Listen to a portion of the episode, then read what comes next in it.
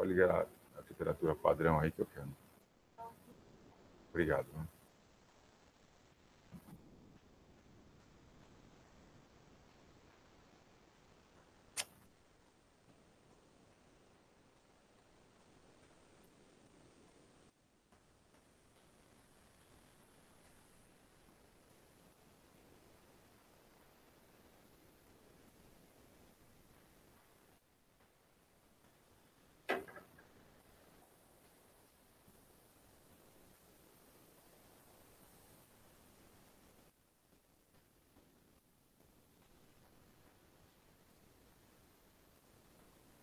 Bom dia, pessoal. É, espero que todos estejam bem. Nós, nós, na última aula, nós estávamos falando da teoria geral do crime.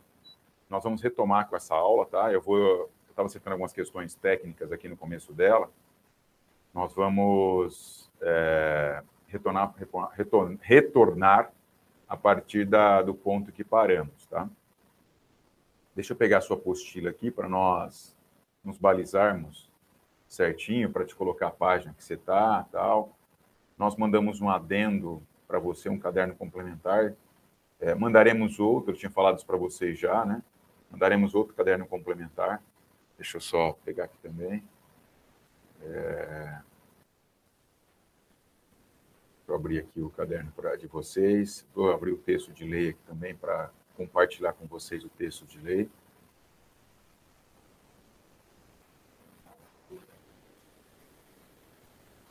Nós, como eu tinha falado, estávamos na teoria geral do crime. Eu vou fazer uma revisão bem rápida daquilo que a gente havia é, falado.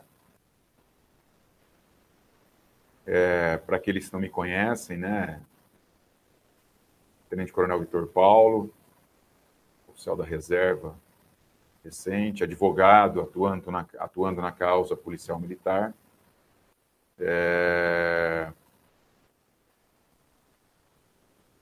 Vamos falar nesses encontros aí sobre direito penal, processual penal, penal militar, processual penal militar e legislação especiais, tá?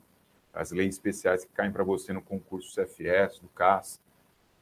Deixa eu pegar aqui o, o seu edital também, para nós sempre estar tá focado no edital, canalizando sempre naquela, naquele perfil que a gente havia falado, né? Naqueles assuntos que são importantes para nós na aula, em termos de, de exaurimento do conteúdo, porque nem todo o conteúdo nós veremos, logicamente. Então, a aula aqui ela tem um foco, tá? E o foco é nevrálgico. Então, vamos lá. Vou pegar aqui, nós pegamos o artigo 4 tempo do crime, Ctrl L. Artigo 4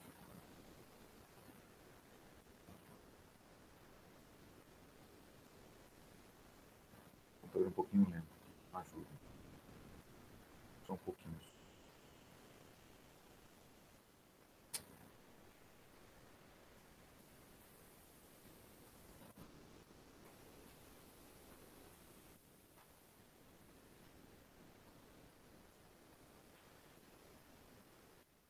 Tempo do crime.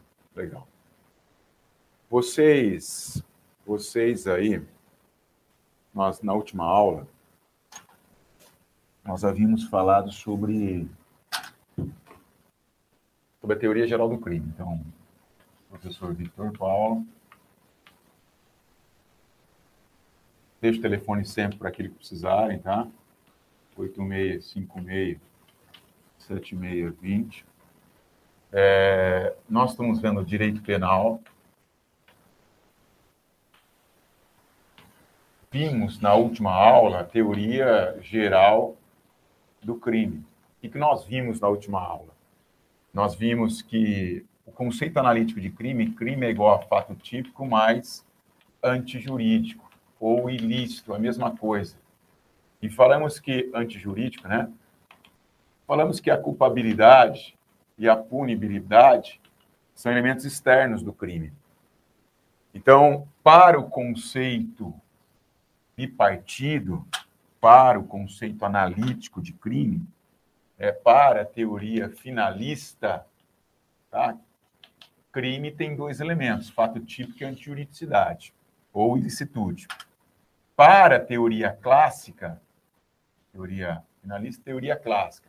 Para a teoria clássica, crime tem três elementos, além de ter o primeiro, o segundo, teria o terceiro também. O Código Penal Militar adota a teoria clássica. Já o Código Penal Comum, ele adota a teoria finalista, tá? É, teoria clássica e a teoria finalista. Há impactos disso, professor? Não importa para a gente, não cai para você isso daí, tá? Mas saibam que, pela teoria clássica adotada pelo Código Penal Militar, tem três elementos. Primeiro elemento, fato típico. Segundo elemento, antijuridicidade ou ilicitude, né? E terceiro elemento, culpabilidade. Para a teoria finalista, tem dois elementos: é, fato típico e antijuridicidade ou ilicitude. Vimos também que dentro do fato típico nós temos alguns elementos. Para que haja fato típico, tem que ter conduta. Essa conduta gerar resultado, haver nexo causal e tipicidade. Né? Aí nós teremos fato típico. Então, para que haja fato típico, esse desenho já está elaborado na aula passada. Por isso nós estamos aqui é, um pouco mais devagar, tá? É, um pouco mais, é, desculpa, celery, é, com siglas somente, com letras, mas crime é igual a fato típico, mas jurídico. Para que haja fato típico, tem que haver conduta, gerar um resultado, haver nexo causal e tipicidade. Explicamos o que é cada um deles, tá? E falamos também, onde nós paramos, é, oh, desculpa, falamos também da antijuridicidade, que é um. O que é antijuridicidade? É um comportamento contrário à lei. É um comportamento contrário ao direito. Tá? É, e quando a gente pratica é, o ato, fato típico, amparado por uma causa excludente de antijuridicidade ou uma causa excludente de licitude, leia-se, quando ele pratica o fato típico, amparado pelo estado de necessidade, pela legítima defesa, pelo estrito cumprimento do dever legal, pelo exercício regular de um direito, né?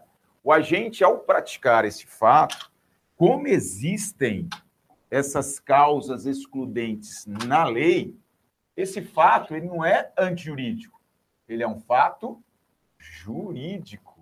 Ele é um fato não ilícito, não é antijurídico, não, é jurídico. Não é ilícito, ele é ilícito. Por isso, não haveria crime.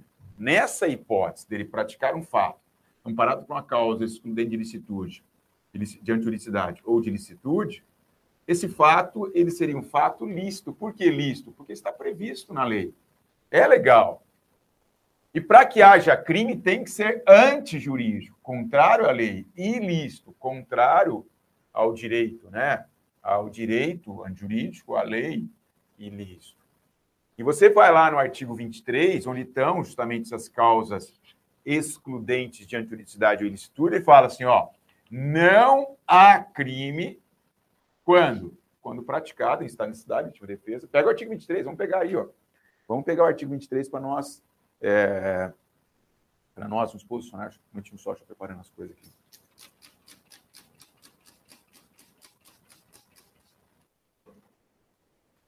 Vamos pegar o artigo 23 aí, ó, é, para nós nos posicionarmos. Deixa eu colocar para você aqui, quer ver? Ó, é... Deixa eu compartilhar a tela com você aqui um minutinho só. Olha o artigo 23. Fechar uma janela. Aqui. Olha só. Vamos pegar aqui artigo 23. Aqui, ó. Ó, não há crime. Não há crime quando o fato é praticado em estado de necessidade, legítima defesa. E fechamos por aqui, e não falamos mais nada, tá? E aí, pessoal, o que nós vamos falar agora? Nós vamos analisar cada uma das causas excludentes, tá? É da partir daqui que nós retomamos a aula passada. É... O que é estado de necessidade, né? Vamos começar com o estado de necessidade. Vamos ler o artigo 24. Nós encontraremos lá no artigo 24 o que é o estado de necessidade, tá? É, primeira coisa, tanto o estado de necessidade quanto a legítima defesa, você vai anotar aí, ó, eles têm definição legal. Eles têm definição legal, estão definidos no Código Penal, né? Onde estão definidos? No artigo 24 e no artigo 25, a legítima defesa, tá? Então, nós temos definição legal. Panorama que nós não temos, deixa eu ver Giz aqui. Panorama que nós não temos.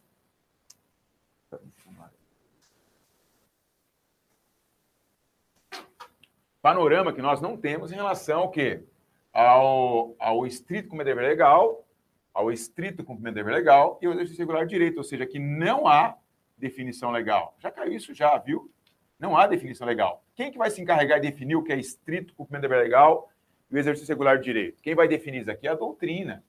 É a doutrina, são os doutrinadores, são os, aqueles estudiosos de direito, né? É, mas o 24 tem. E olha o que ele fala no 24 aí. Vamos pegar aí juntos aí o 24, ó. Ele fala o seguinte, ó. Considera-se estar necessidade quem pratica o fato para salvar de perigo atual, que não provocou por sua vontade nem podia de outro modo evitar, direito próprio à lei, cujo sacrifício nas circunstâncias não era razoável exigir. Olha, a leitura é autoexplicativa, né? Lógico que não. Uma leitura bizonha, uma leitura entruncada, ninguém sabe, não consegue distinguir esse negócio aí, né? Assim, não dá claridade nessa conceituação. Então vamos clarear isso para vocês. Toda vez que ele falar em estar necessidade, toda vez que ele perguntar uma questão em prova sobre estar necessidade, que ele vai falar? Pode perceber que vai ter dois bens jurídicos em conflito. Eu vou ter que sacrificar um bem para preservar outro, ou sacrificar esse bem para preservar esse. Sempre no estar necessidade, eu tenho um conflito de bens, tá? Então, para nós definir o estar necessidade, é, a começar por essa conceituação que eu falei para vocês, que é, é uma, uma, uma conflituosidade entre bens jurídicos protegidos pelo direito penal, é, além desse conflito de bens jurídicos, que acabam não esclarecendo muita coisa, né? É, nós podemos definir comparando o estado de necessidade com a legítima defesa. Então, como que eu poderia definir? Ó, qual que é a diferença do estado de necessidade para a legítima defesa? Né? Como que a gente poderia é, diferenciá-los? E aí nós já estudamos o estado de necessidade concomitante à legítima defesa também. Estudamos os dois. Né? Eu autorizar aqui a, a entrada de mais um, de um aluno aqui, para ele não ficar o Kevin. É, então, assim, nós conseguimos distinguir é, a legítima defesa do Estado de cidade, já traçando conceituação de cada um deles, tá? Então, assim, é, você quer ver? Vou dar alguns exemplos de Estado de cidade. Lembra o filme é, o Titanic, em que o Leonardo DiCaprio, depois lá de, de traçar a Rose, né? Ela, ele vai lá, começa a abrir os, os braços, sente aquele vento na cara, de repente ele vê um iceberg na frente dele, o navio tromba no iceberg, e aí começa ah, um navio indo a nau, né? É, ou seja, indo é, ao fundo do mar, todo mundo começa a cair na água, a Rose cai na água, colar no meio da, na, na, no pescoço, e aí acha uma porta, começa a boiar, o DiCaprio começa a gritar ela, Rose, Rose, Rose, Rose. Aí acha a Rose lá, né? O que ele poderia ter feito? Aquela água gelada vai matá-lo, como matou. Poderia ter pegado a Rose pelos cabelos, pum, grudado na cabeça dela, puxado ela para o mar, usado ela como degrau, subido na tábua e salvado. Ou seja, eu estou em conflito, dois bens jurídicos. Vida do Leonardo e vida da Rose ali, tá? Eu posso sacrificar um para preservar o outro. Exemplo, o cara, uma criança é atropelada numa, numa via. Você está a pé, precisa socorrê-la, está com, com legião corporal exposta. Você vê um carro, você vai lá, estoura o vidro do carro, lá causa dano ao carro. Subtrai o carro, causa dano ao patrimônio, para preservar o que? A vida lá. Eu sacrifico um bem jurídico para preservar outro maior importância. Ou sacrifico um bem para preservar outro igual importância, ou sacrifico um bem jurídico para preservar outro maior importância, tá? Outro exemplo, por exemplo, né? Você pega, deixa eu pegar quem está na sala de aula aqui. Você pega aí a, a Letícia, né? Pega a Letícia, chega alvejada no, no, no, no hospital. E tem o Kevin lá também, chega alvejado, os dois. Se eu salvar a Letícia, o Kevin morre. Se eu salvar o Kevin, a Letícia morre. Eu vou ter que sacrificar um bem jurídico. O médico vai ter que sacrificar um bem jurídico. Qual? Vida. Então, estão em conflito dois bens jurídicos, né? Eu, quando morei em Campinas, nem tomei daquela água, né? Não gosto nem do cheiro de homem, vou salvar a Letícia, né? Mulher linda, bonita, né? Morena lá. E o Kevin que se dane, meu. Prepara o caixão aí, Kevin. Se vira você aí, meu. Olha lá, mas é, na verdade, há um conflito entre bens jurídicos aqui, né? Vida com vida. Eu vou sacrificar um, vou preservar o outro. Isso é estar necessidade. Outro exemplo, né? O, manda, o, você vai cumprir o mandado de busca e apreensão, vai fazer incursão na residência. Né? E acontece isso direto, né? Eu peguei várias ocorrências dessas já. É, como, como PPJM, como é, autoridade processante, né? A polícia vai entrar na casa, ou atrás do ladrão, ou atrás do. ou cumprir o mandado de busca e apreensão, de repente um pitbull avança nele. O que ele faz? Ele mata o pitbull. Para quê? Olha lá, para preservar a vida e a integridade física do polícia, sacrificando o patrimônio. Vamos olhar o pitbull aí, ou a vida animal, como um bem jurídico de menor importância em relação àquele que eu estou preservando. Por isso que eu falo, estar em cidade Ó, vamos colocar aqui agora, a diferença com legítima defesa. No estado de cidade, aqui, ó, há conflito entre bens jurídicos. Há conflito entre BJs. Há um conflito entre bens jurídicos. Um está conflitando com o outro. Eu vou ter que sacrificar um para preservar o outro. Já na legítima defesa, há uma agressão, agressão a um bem jurídico. Não tem conflito, há uma agressão. Essa agressão é injusta. Vamos colocar aqui então, ó, aqui no estado de necessidade, essa agressão ela pode ser uma agressão, agressão justa ou uma agressão injusta. Já na legítima defesa, para que configure a legítima defesa, tem que haver uma agressão, olha lá, agressão tem que ser o quê? O que você lembra lá da legítima defesa? A agressão tem que ser injusta. Ó, primeira definição já, ó. primeira distinção, na verdade. Duas, né? No estado de necessidade há um conflito entre bens jurídicos, na legítima defesa há uma agressão a um bem jurídico, tá? No estado de necessidade há uma agressão que pode ser justa ou injusta, mas na legítima defesa a agressão tem que ser injusta. Vamos dar um exemplo de uma agressão justa daí. Exemplo, o estado de necessidade lá do, do Leonardo DiCaprio, né? É, olha, a, a, a, tanto a Rose quanto o Leonardo DiCaprio, eles poderiam ter invocado de necessidade ali para praticar aquela agressão e sacrificar a vida um do outro. Por exemplo, a Botkiss, aquele caso ficou famoso lá no Rio Grande do Sul, né? Olha lá, imagina que o cara riscou uma, um artefato incendiário, começou a botar fogo no teto, é, duas mil pessoas dentro daquela casa, para sair por uma portinha do nada. Olha lá, quem está saindo para preservar a vida pode matar o outro para preservar a sua vida. Tranquilamente, pode matar um, dois, três, quatro, cinco. Né? Não tem problema. Por quê? Há uma agressão, ah, desculpa, há um conflito de bem jurídico, a sua vida ou a vida dos demais. Ou você morre ou você vive. Pode fazer isso? Pode, tranquilamente. O, o direito autoriza isso. Tá? Você pode matar um, dois, três, logicamente, desde que a agressão seja, nesse caso aí, é uma agressão é, que foi praticada contra sua vida, uma agressão justa ou injusta? Uma agressão justa. Você pode, o direito autoriza essa agressão, tá? Tanto de você em relação a outra pessoa, quanto a outra pessoa em relação a você. Ambos podem invocar essa necessidade, por quê? Porque estão diante de um perigo atual. Olha lá, então, de novo, outra diferença. Aqui na necessidade, há um perigo atual. Eles são diante de um perigo atual que não foram eles quem criaram. O Leonardo DiCaprio não criou, o médico não criou aquele perigo que está a Letícia e está o, o Brandão é, o caso na Boate Kiss, ao passo que tem que haver um perigo atual. Já na legítima defesa, o perigo ele é iminente. O perigo ele está próximo, pode ser atual, né? Pode ser atual, logicamente, mas pode ser iminente também. Pode ser iminente também. Olha lá. Olha a diferença de estanicidade com a legítima defesa, né? No estanicidade, somente perigo atual, né? O Leonardo DiCaprio não pode falar assim, ah, putz, ó, meu, esse barco vai afundar, deixa eu matar a Rose já. Ou quem está sendo levado do aqui fala assim, meu, ó, é, esse negócio vai pegar fogo, vai botar fogo em todo mundo aqui. Deixa eu matar um já. Não, não pode. Não pode, né? Ou é, o médico lá, ah, deixa eu já sacrificar a vida da, do Kevin aqui para preservar da Letícia. Não, não pode. Tá? Então o perigo tem que ser atual, ou seja, está acontecendo aquele perigo. Se ela é legítima defesa, o perigo é atual ou iminente. Né? É, então, voltando. Então, eu posso sacrificar um bem jurídico né, que está em conflito com o meu, é, de uma agressão justa ou injusta. Pega um exemplo de uma agressão injusta. O pitbull. O pitbull, quando você entra na, quando você entra na casa para acompanhar um bandido que está foragido mediante ordem de parada, né? O cara está transpondo várias residências, ou você vai cumprir uma de busca e apreensão, o pitbull avança contra você, aquela agressão do pitbull ela é injusta.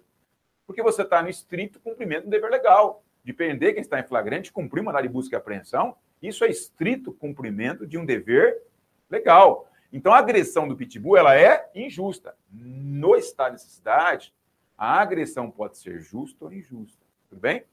É, e foi um perigo atual que você não criou. E não tem como de outro modo evitar. Se você não matar um na boate aqui, você vai morrer. Se o Leonardo DiCaprio matar a Rose, ele morre, como morreu. Né? Se você não salvar a Letícia, é, ela morre. Então é ela ou o Kevin, um dos dois. Tá? Então, aqui no Estado da Cidade, é essa característica dele.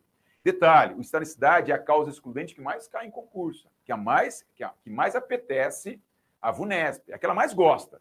Tá? Por quê? Primeiro, tem definição legal. Segundo, que dá bastante campo para você trabalhar esse tema aí, tá bom? Então, legal. Voltando, então, para o conceito de estar necessidade. Vamos lá. Ó. Estar necessidade. Considera estar necessidade quem pratica o fato para salvar o perigo atual, que não provocou, não pode ele provocar. Exemplo, né? Eu estou fazendo uma instrução de granadas, de luz e som, artefato explosivo e tal, e eu, eu tiro o pino, jogo na sala de aula e falo, meu, cada um por si aí. Olha lá, eu dolosamente provoco isso. Então, se a granada vai explodir pode matar todos que estejam naquela sala, eu provoquei esse perigo. Eu não posso invocar o estado de necessidade. Tá? Eu não posso invocar matar um para sobreviver. Mas um pode me matar. Como eu não. Nesse caso, eu provoquei, né? No estado de necessidade, eu posso invocá-lo quando eu não provoquei o perigo. Tá? É... E nem podia de outro modo evitar. Cujo sacrifício daquele bem jurídico que está protegendo não era razoável exigir naquelas circunstâncias. Né? Por exemplo, é, outro exemplo aí.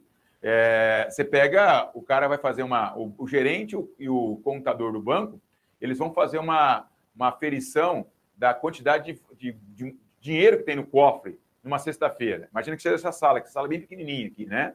Essa sala deve ter uns, uns 2,5 por uns 3,5 aqui, uns, 3, uns 2,5 por uns 4. Então, assim, entra nessa sala, a porta tranca, só que a, a, a, a fechadura é por fora. A abertura é por fora.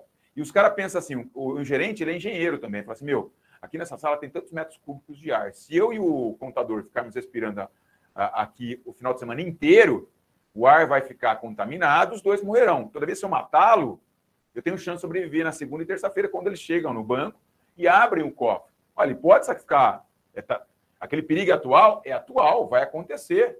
E ele vai lá e mata para preservar a sua vida. Isso é possível. Beleza? Legal? É, isso é estar necessidade, tá bom, pessoal? O estar necessidade adotado pelo Código Penal, você vai colocar assim, ó, qual teoria que o Código Penal adotou para o estar necessidade? Adotou a teoria unitária, a teoria unitária, tá? Porque só tem um estado de necessidade no Código Penal. Já no Código Penal Militar tem três estados de necessidade. Esse é o problema, né? O bom é que não cai nenhum para vocês. Para o CH cai, para vocês não cai o estado de necessidade do Código Penal, que adotou a teoria diferenciadora que cai para você? Qual teoria adotada pelo Código Penal comum o estado de cidade? Teoria unitária, ou seja, só tem um estado de cidade, tá? E ele é causa excludente de estúdio, ou causa excludente de antiunicidade, beleza? Tranquilos? Legal. Vamos para o próximo aí, legítima defesa. A legítima defesa, pessoal, ela também tem definição na lei. Como eu falei para vocês, a legítima defesa está definida onde? No artigo 23. O artigo 20, perdão, coloquei 23, não, 25. Não, 23 todos, né? Ah, está aqui o 25. Artigo 25 da, da, do Código Penal. E o que, que fala o artigo 25? Vamos compartilhar. Ah, desculpa. Perdão, pessoal. Deixa eu falar mais uma coisinha no estado de necessidade. Se pegar o artigo 24, ele está compartilhado a tela com vocês. Vou sublinhar alguns pontos que eu acho interessante. Ó. É... Parágrafo 1 Não pode alegar estado de necessidade que tinha o dever legal de enfrentar o perigo. Então, o polícia, por exemplo, não pode enfrentar o estado de necessidade, alegar o estado de necessidade. Como assim o polícia legal? Exemplo, ele está indo fazendo uma, tá indo fazer uma abordagem. Né? Aliás, melhor ainda, bombeiro, pega o bombeiro primeiro. O bombeiro está indo para um, incêndio, né? E a hora que chega lá, pega uma. A, imagina que seja as torres gêmeas, que ele está atendendo aquela ocorrência das torres gêmeas. A hora que chega lá, ele vê as torres gêmeas pegando fogo. E a hora que ele fala assim, falei, eu? O bombeiro fala, eu vou entrar lá? Imagina! Você está louco, minha mãe eu lembro até hoje, ó, Vitor, fica longe do perigo ou fica longe do fogo. Não brinca com fogo. Eu não vou entrar lá, não. Não. Quem tem o dever de enfrentar o perigo não pode invocar o estado de necessidade. O polícia está patrulhando, vê o A roubando o B, mediante emprego de arma de fogo. Ele tem o dever de enfrentar o perigo? Não tenha dúvida. Ele tem o dever de enfrentar. Então, quem tem o dever de enfrentar o perigo não pode invocar o estado de necessidade. Vírgula, tem exceção? Coloca aí exceções. Exceções. Quais são as exceções que ele pode invocar o estado de necessidade diante de um perigo que está acontecendo. Você vai colocar aí, ó, ações heróicas, ações sobre-humanas ou ações de morte certa. Ações heróicas, ações sobre-humanas ou aquelas ações de morte certa, tá bom? É, ações heróicas, ações sobre-humanas ou de morte certa, é, ele não tem exemplo, o dever de enfrentar. O polícia tem o dever de enfrentar o perigo, né? Você recebeu aquele vídeo lá, por exemplo, eu vi ontem, né? Por isso que eu estou citando o exemplo aqui daquela situação que a viatura foi abordar uma, um carro paisano, um carro preto, uma Tiguan, acho que no, no, no Morumbi, e aí os, o cara abriu a porta traseira e disparou tiros de fuzil contra a guarnição policial militar. Ora, pode falar assim, não, mas eu lembro da aula do Coronel Vitor Paulo, ele falou que o polícia tem o dever de enfrentar o perigo. É, mas a ação é sobre-humana.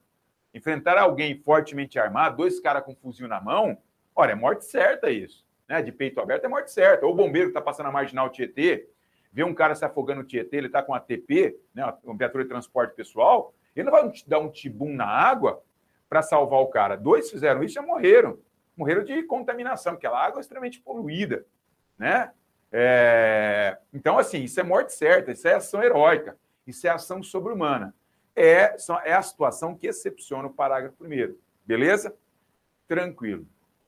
E o parágrafo segundo não, nunca caiu, nem vou comentar, vou passar a passos largos aqui com vocês. Geralmente na prova do CH eu faço um quadrinho, né, explico isso, mas para você nunca caiu, não vou comentar isso, tá?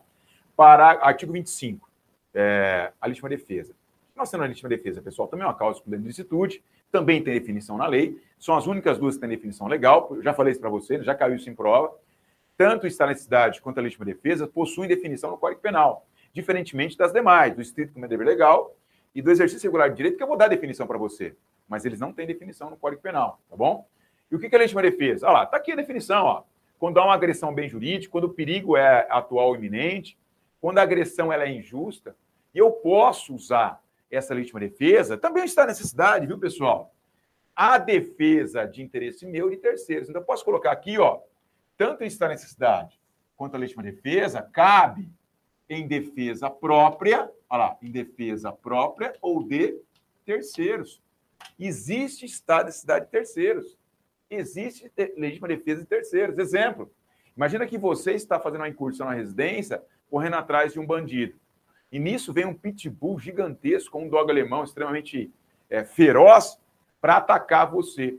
E na sacada de um prédio tem um indivíduo observando todo o cenário. O que ele faz? Ele se arma, faz a visada e pum, executa o tiro em estado de necessidade de terceiros, favorecendo você.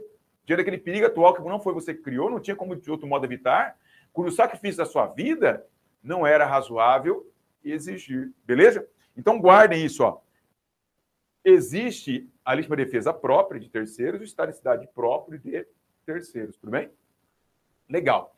Da legítima defesa, que a gente pode falar um pouquinho mais aí. Então vamos pegar um conceito e anotar algumas coisas aí, porque já caiu isso também já.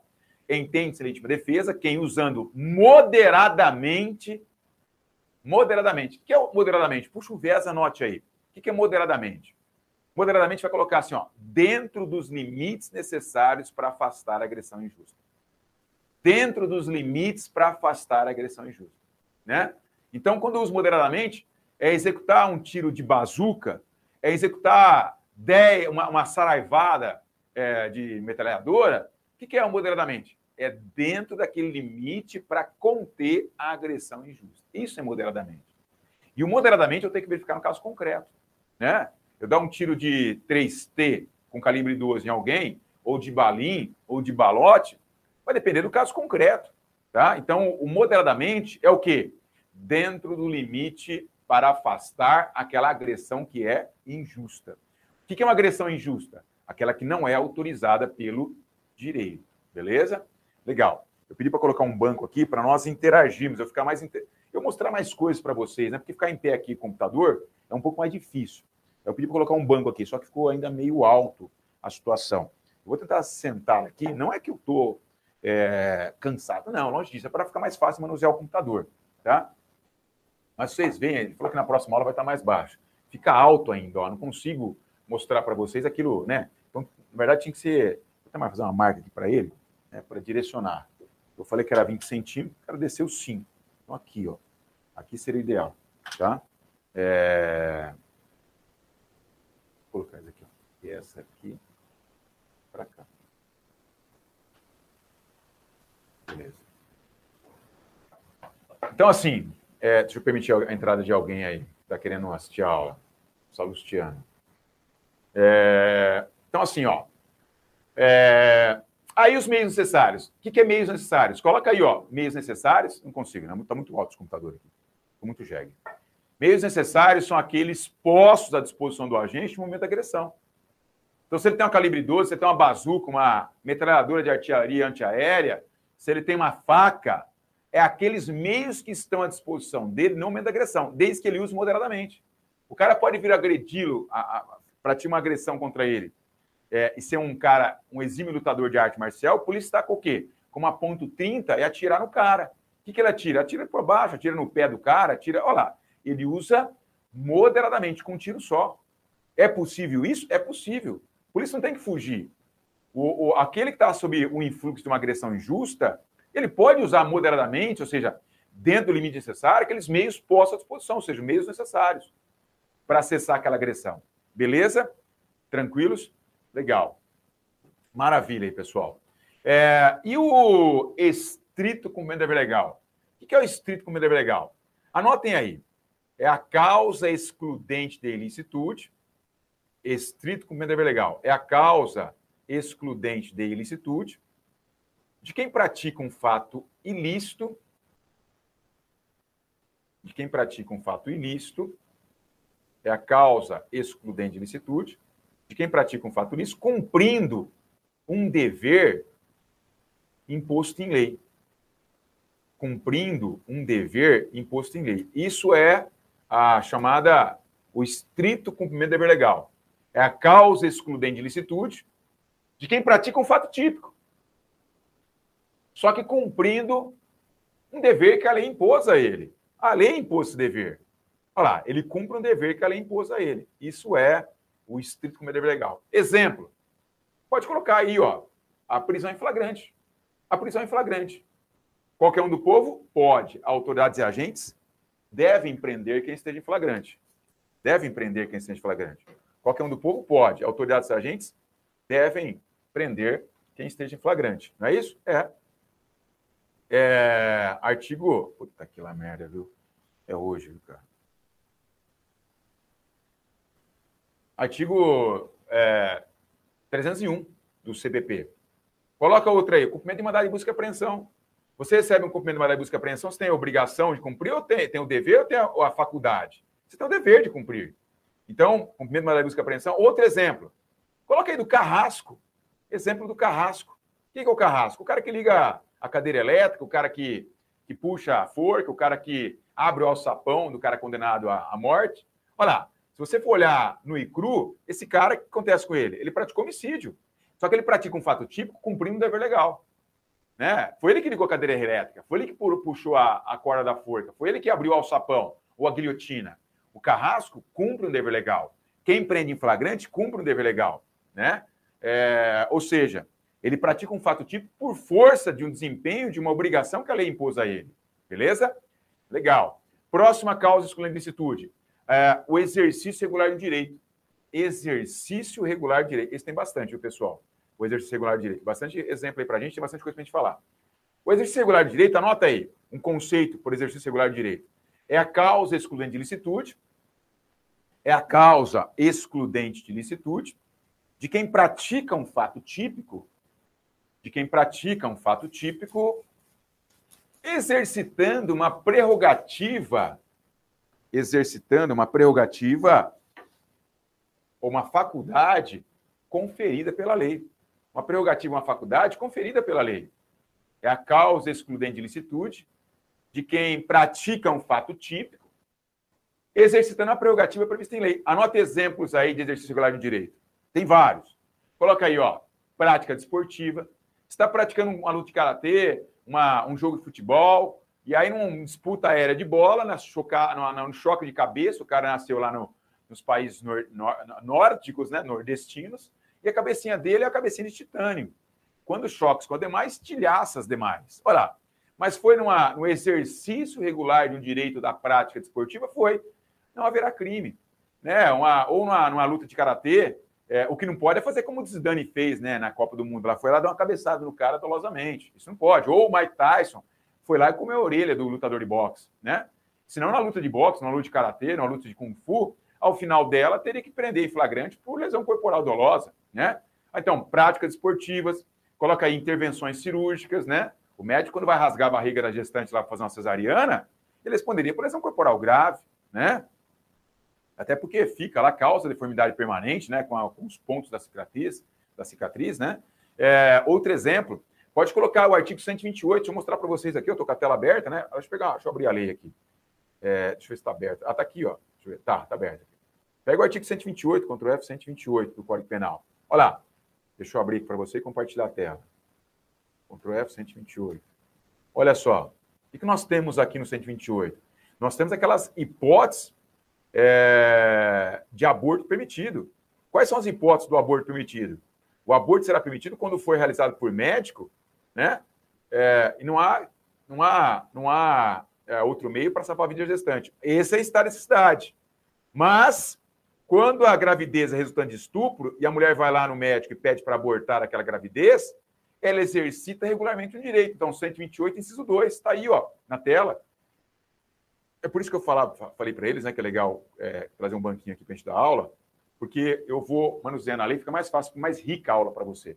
Fica mais legal. Deixa eu tirar esse negócio aqui que me atrapalha. Ah, tem gravação. É... Então, é, fica mais rica, né? Fica mais rica a aula. Mas olha só, dá para a gente contornar isso na próxima aula está abaixo. Aliás, ele tem aula amanhã, viu? Nossa, amanhã nós temos aula novamente. A aula de informática não haverá, por quê? Porque o professor de informática é um tenente da polícia também, ele está em missão. É, o nosso chefe do executivo estadual, né? Sem querer, querer fazer política ou plataforma política para o ano que vem, né? 2022 tem as eleições presidenciais, sem isso, logicamente sem isso. Mas ele deu uma incrementada aí na, nas entregas de torres, de equipamentos de informática. Ele, como ele trabalha na, no, na diretoria de tecnologia da informação, né? ele tem que fazer algumas viagens em estados aí para aprovar alguns projetos aí, pilotos. Então, hoje, amanhã, depois, tentei fazer inversão com ele, mas não deu certo. Então, mantém-se a aula lá para frente ainda, depois eu vou remarcar essa aula de informática, eu vou ter que cobri-lo nesse aspecto, tá bom? Então, amanhã nós teremos aula de direito, tá? Já fica avisado aí, vou mandar no grupo também. Estou sem o celular aqui agora, até porque saí, é, é, saí, esqueci, acabei esquecendo em casa. Então, se alguém puder informar no grupo, eu agradeço aí, tá? é, que amanhã teremos aula de direito novamente, vai ser uma dobradinha. Vamos continuar de onde paramos hoje. Certamente começaremos aí da parte especial. Então, continuando aí. Então, voltando. O que nós temos no artigo 128, inciso 2? Nós temos um exemplo aí de exercício regular de direito. Coloca outro exemplo de exercício regular de direito, é, que nós podemos citar aí. Coloca o direito de o jus corrigende, o direito de correção das atitudes do, do pai em relação ao, ao filho, da mãe em relação ao filho.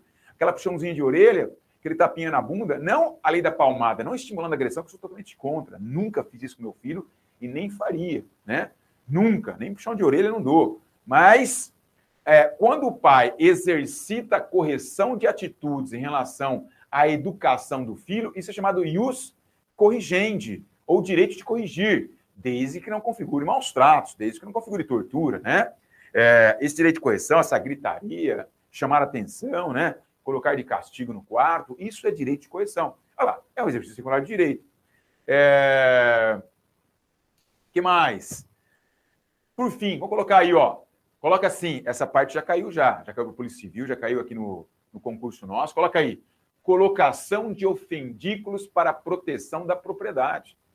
Colocação de ofendículos para proteção da propriedade. É uma forma também de exercitar regularmente um direito. Quando eu coloco fendículos para proteção da propriedade, arame farpado, cerca elétrica, caco de vidro, lanças. Olha lá, é, são formas de proteção da propriedade. Então, olha lá, o que, que são ofendículos? Coloca a definição de ofendículos aí, porque já caiu isso já também. E a VUNESP que perguntou, tá? No concurso da polícia em São Paulo. É, o que, que são ofendículos? Você coloca aí. São aparatos físicos visíveis, aparatos físicos visíveis de proteção da propriedade. Aparatos físicos visíveis de proteção à propriedade. Isso são ofendículos, tá? Ofendículos são aparatos físicos de proteção à propriedade. É, só tem que ser visíveis, porque se forem ocultos, aí não é o exercício regular de um direito, é exercício irregular de um direito. Por exemplo, o cara coloca uma armadilha na casa para pegar o ladrão, ele toma um tiro na cara quando ele abaixar a, a, a, a maçaneta, né? Aqui, tipo aquelas armadilhas do Zé Colmeia, né? Não, negativo. Aquilo lá é dólar eventual, responde por homicídio com dólar eventual. Tem que tomar cuidado com isso, hein? Nós falaremos dólar eventual daqui a pouquinho. Mas essa colocação de aparatos físicos para defesa da propriedade, ele exercita regularmente o direito dele de proteger a propriedade que lhe pertence, ou que tem a posse, a vigilância, etc. Tá bom? Coloca uma observação aí. Obs, observação já caiu isso em concurso também. A VUNESP examinou dessa forma que eu vou te falar agora. Pessoal, quando eu falo é, em exercício regular de direito endereçado aos ofendículos, a esses, esses aparatos de proteção à propriedade, a VUNESP interpreta também, já colocou isso em questão, que isso poderia ser também uma legítima defesa da propriedade. Coloque entre aspas aí, legítima defesa da propriedade, que agiria na hipótese de uma agressão injusta contra a propriedade. Então, pode cair tanto um quanto o outro, tá? Na última vez que caiu, caiu os dois. A colocação de ofendículos para proteger propriedade configura exercício regular de direito e legítima defesa da propriedade? Essa é a resposta correta. Então, é legítima defesa da propriedade também, que vai agir naquela injusta agressão contra o direito é, patrimonial. Beleza? Tranquilos? Fechamos as causas excludentes, tá?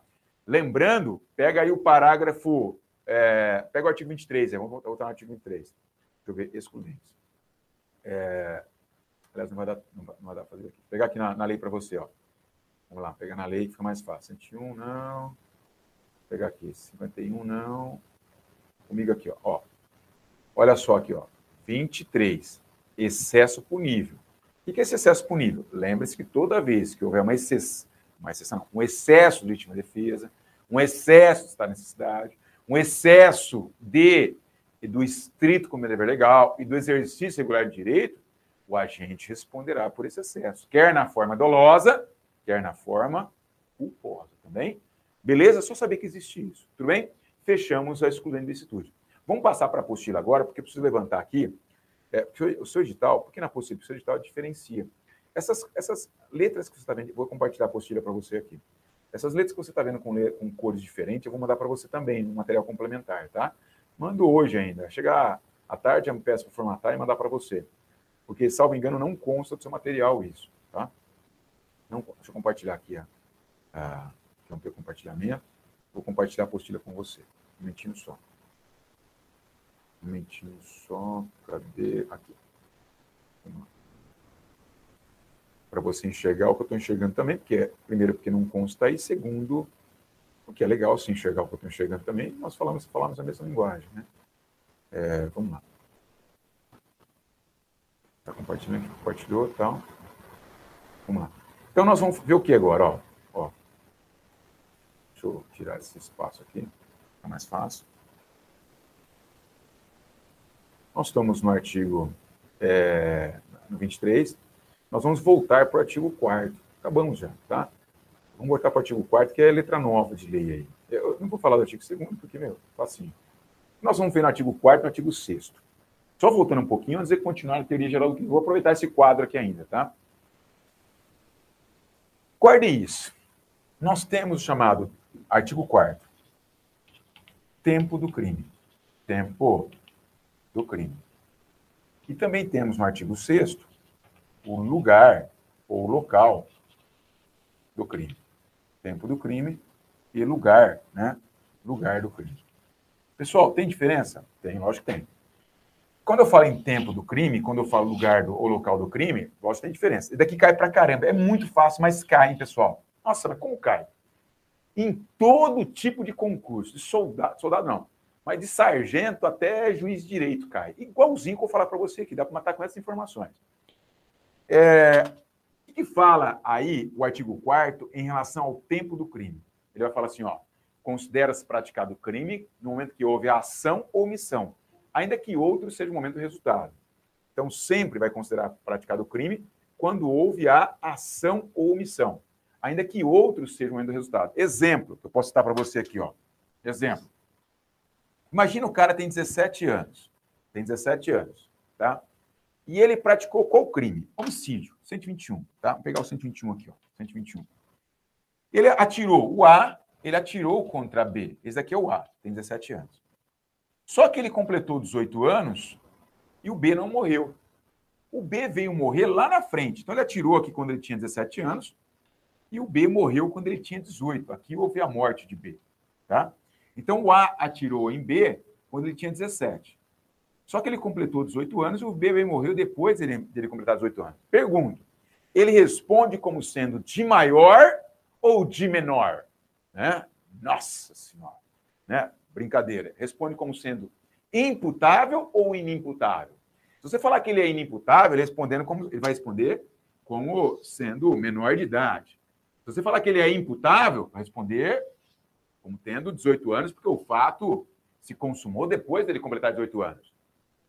Como é que a gente resolve essa situação? Adota essa teoria do a teoria chamada teoria da atividade. Aqui, ó, teoria da atividade. que é a teoria que empresta ensinamentos aí para o tempo do crime. Considera-se praticado o crime quando?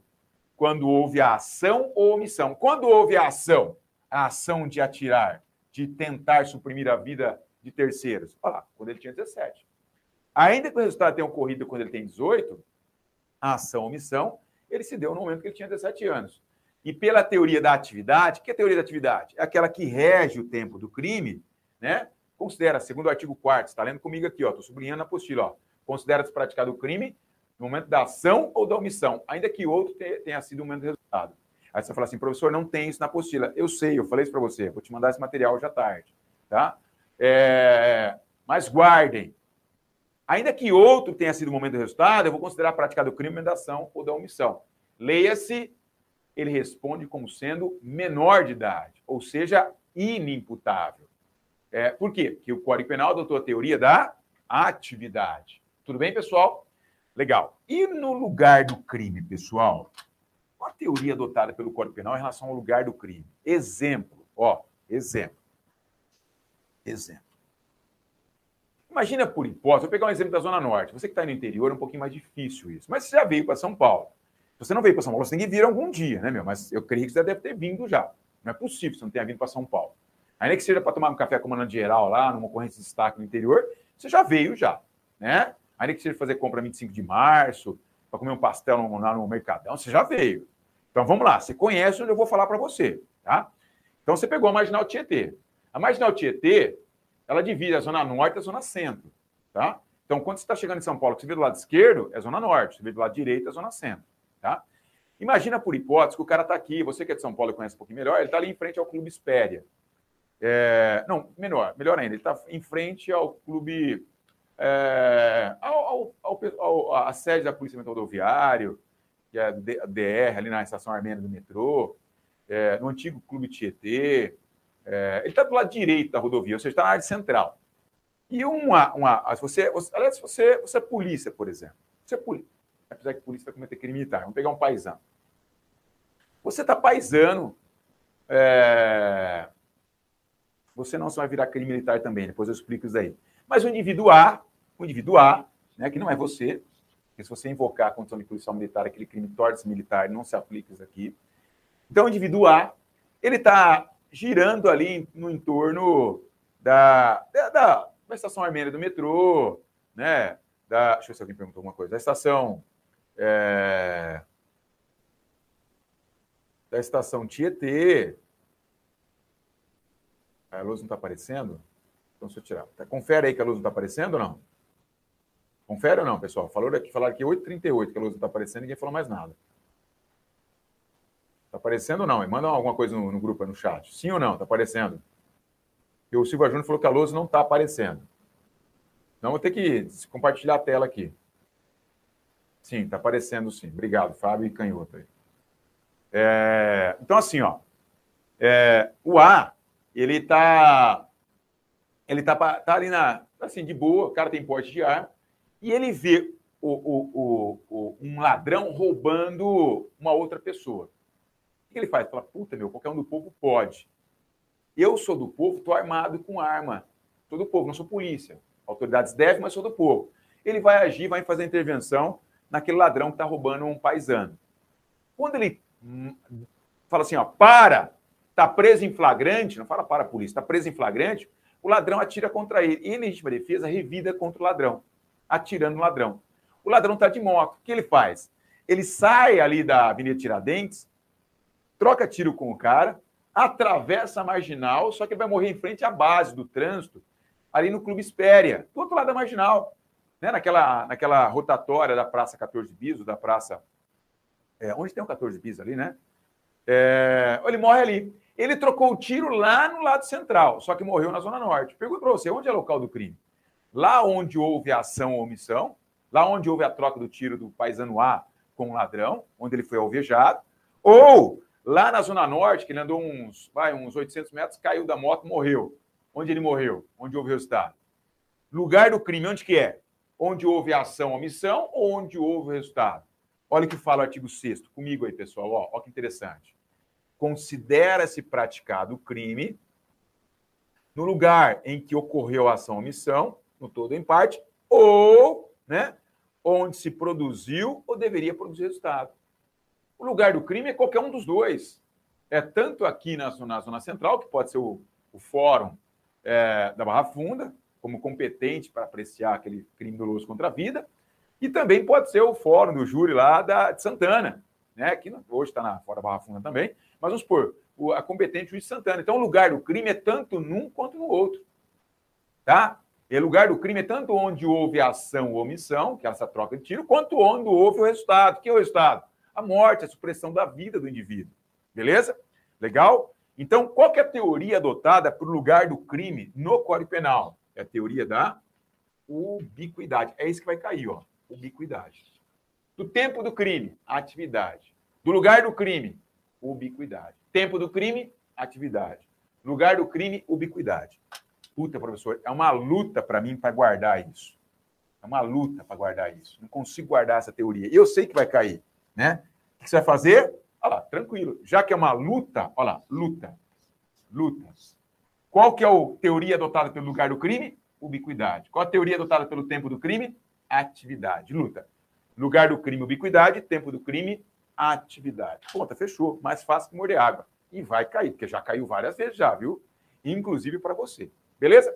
Era isso que a gente ia falar. Pega o próximo, próximo tópico aí. Crime consumado e crime tentado. Eu acho que nós falamos já de crime consumado e crime tentado. Eu acho que nós falamos. É... Ou não. Eu não lembro agora, viu, cara? Não lembro que eu lembro que faltou material, tive que completar a aula. Eu acho que não falamos, não. Vamos fazer uma, uma síntese. Aliás, desculpa. Vamos terminar o nosso quadro aqui. Eu falei, eu falei que termina. Opa, pior que a.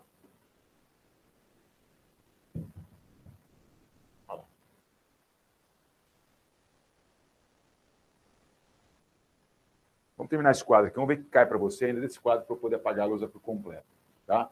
Vamos pegar aqui, está compartilhada a tela, você vai acompanhando comigo aqui, vai ficar mais. Ah, cai algumas coisinhas aqui, ó. Exclusão de licitude, imputabilidade penal, legal, cai. E cai também é, o artigo é, 28.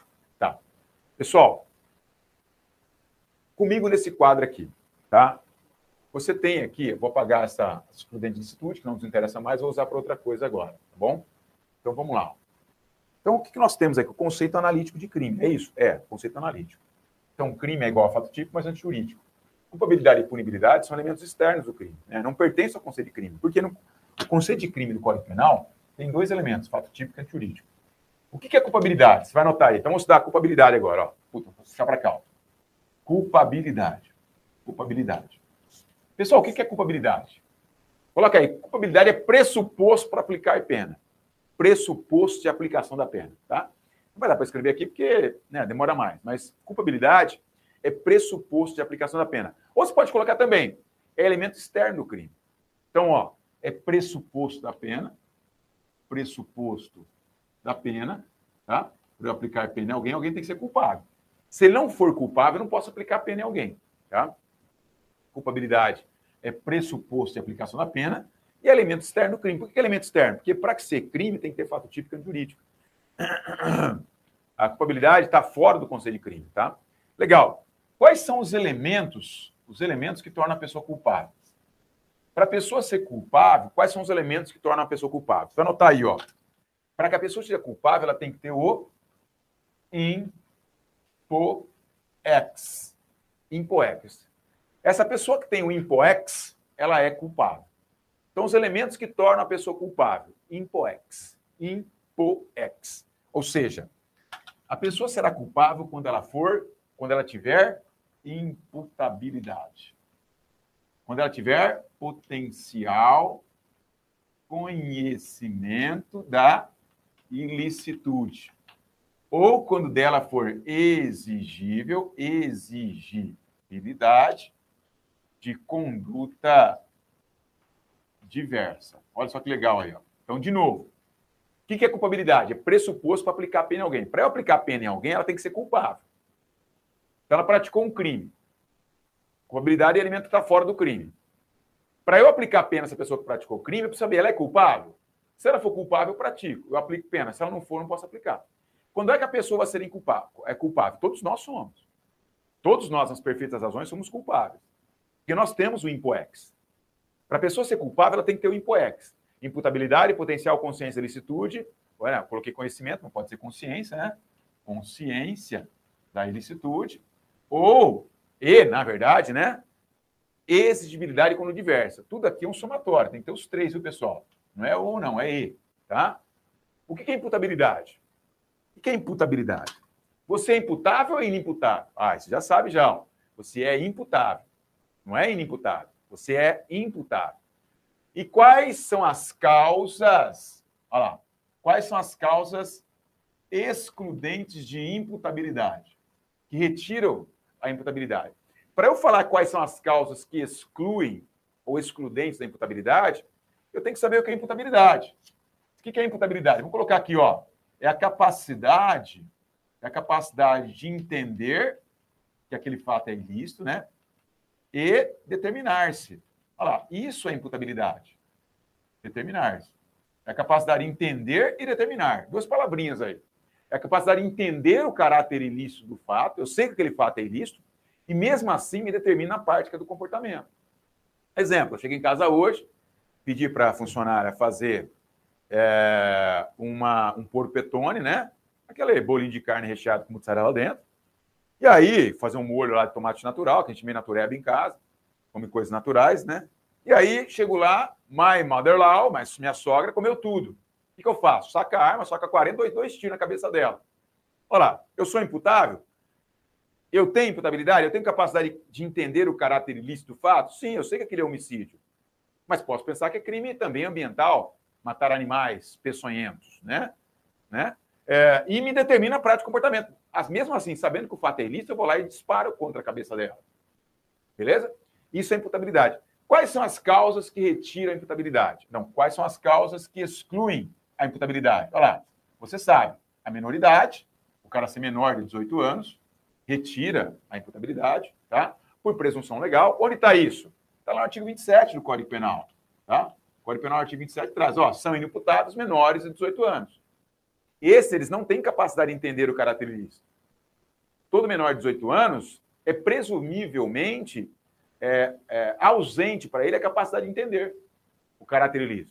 Quem mais é inimputável? Os doentes mentais. Os doentes mentais.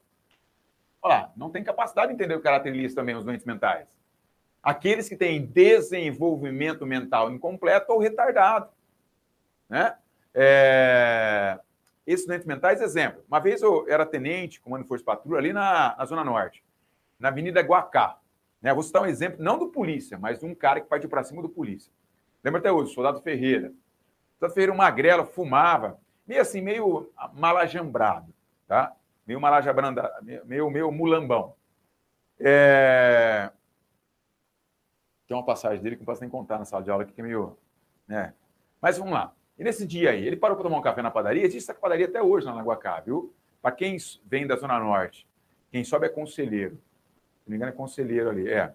é e pega a direita na Guacá, a padaria fica do lado esquerdo. E ele parou lá, a padaria como que era? Só para você entender, né? Aqui é a rua HK, né? a padaria ficava aqui assim. É, mas era um botequinho naquela época, né? Aqui tinha uma parede, que ele falou, fez, ele parou a viatura aqui, ó de, de, de frente para a rua, ficou aqui entre uma parede e a viatura. Aqui atrás estava fechado também. Nisso atravessa um cara que é deficiente mental, uma faca na mão, parte para cima do Ferreira para atacá-lo.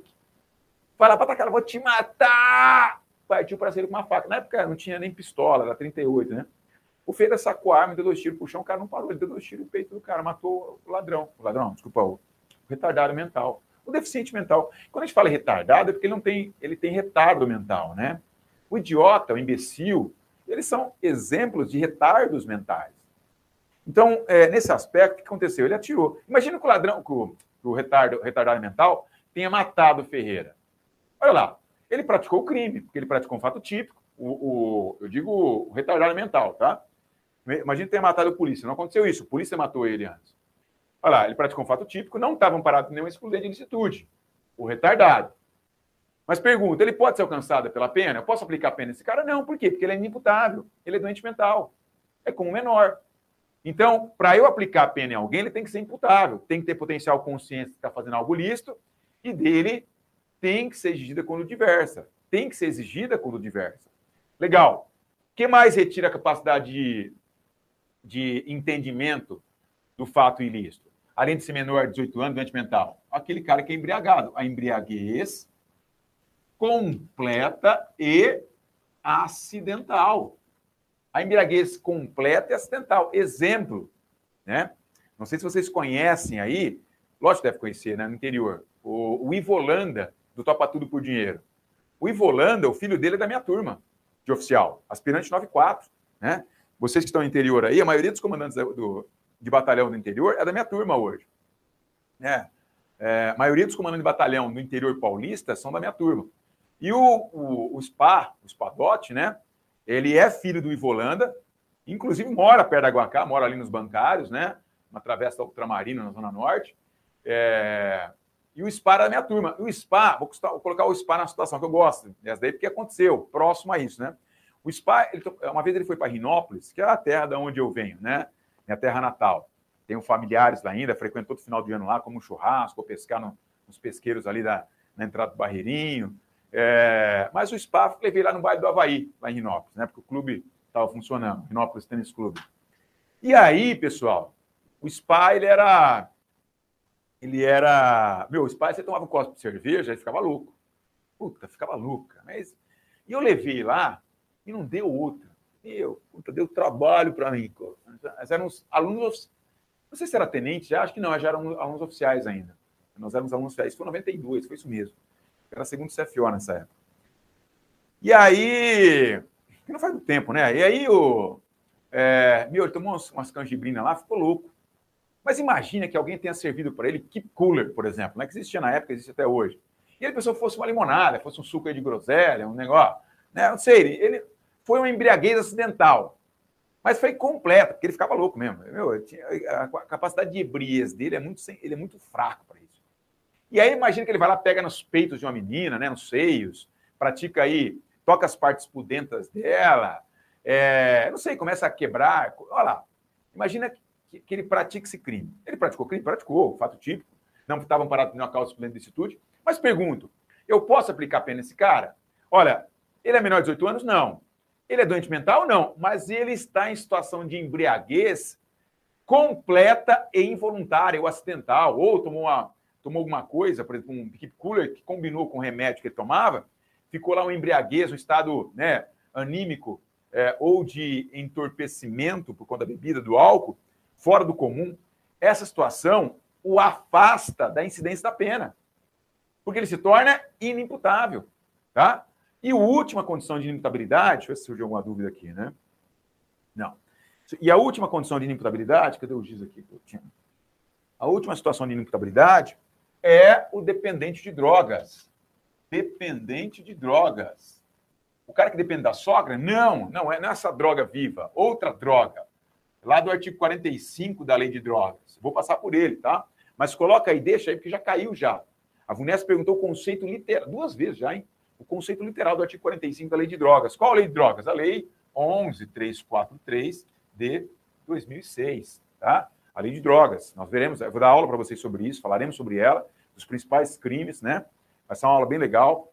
Vamos esclarecer alguns pontos, muitos você já conhece, outros não. E é naqueles pontos que você não conhece que pode cair. Mas essas quatro causas afastam a pena do cara, porque torna a pessoa inimputável. Qual? Menor de 18 anos, doente mental, embriaguez completa e involuntária ou acidental, né? E a situação da dependência de drogas, tá bom? É, o potencial consciência de licitude, eu acho que não cai para você. Deixa eu ver se cai. É, artigo 21 não cai, não está no seu edital. Tá? Não está no seu edital, artigo 21. Não, não está. Então, não vou falar sobre ele. Não vou falar sobre isso. Vou perder tempo aqui, né? Mas tem que saber que a potencial consciência de licitude, ela também exclui a, a culpabilidade. E outra causa que exclui a culpabilidade, que cai para você, está no artigo 22 agora, que é a exigibilidade de conduta diversa. O que é isso, pessoal? Artigo 22. Exigibilidade de conduta diversa. De todos nós, é exigida conduta diversa. Lê o artigo 22, El. Estou compartilhando com você aqui, ó. Está em vermelho aqui já, tá vendo? É, quais são as duas causas que excluem, que afastam aí a exigibilidade de conduta diversa? Mas o que, é isso, professor? Exigibilidade de conduta diversa. Ora, quando eu falo exigibilidade de conduta diversa, todos nós, quando estamos diante da prática de um crime, de nós é exigida conduta diversa. Por exemplo, se eu pego aqui, deixa eu pegar alguém que está em, em, sala de aula agora. É, deixa eu ver quem está aqui para pegar como exemplo. Pega o Silva Júnior aí, vai. É, ou o Fábio. Então fala assim, ó, eu sou, eu sou delegado de polícia, eu falo assim, ó, o Fábio, sabe aquela apreensão de droga que nós fizemos ontem aí? Então, pega lá a droga que eu vou vender metade delas. Vou trazer um dinheiro aqui para o DP. Né? É, um delegado corrupto, logicamente, né? Ou é, imagina uma apreensão de dinheiro, uma certa quantia. Pega o pessoal lá do interior, lá da base, perto de Dracena, né, que aprenderam 12 milhões de reais, lá, maravilhosa ocorrência. Tem que dobrar, é, se curvar a esses policiais, putz, fizeram um trabalho maravilhoso. Honestidade à flor da pele. Honestidade à flor da pele, os policiais rodoviários lá que aprenderam dentro de uma bolé de caminhão, né? Aquela quantidade assim, gigantesca de, de, de valores lá em espécie. Imagina por hipótese que eu seja, por exemplo, encarregado do inquérito policial militar, falar assim, ó, vai lá, pega, traz um, um milhão de reais lá para a gente dividir essa quantia aí. Olha lá, todo mundo quando está diante da prática de um crime, todos deles será exigida como diversa. Se você está diante da parte de um crime, de você será exigida como diversa. Você lembra aquela frase? Eu ouvi falar, não sabia onde estava. Não se cumpre ordem absurda ou ordem legal não se cumpre? É desse ponto aí. Vem daqui. Vem desse ponto. Ordem legal ou ordem absurda não se cumpre. Por quê? Porque de nós é exigida conduta diversa. Tá?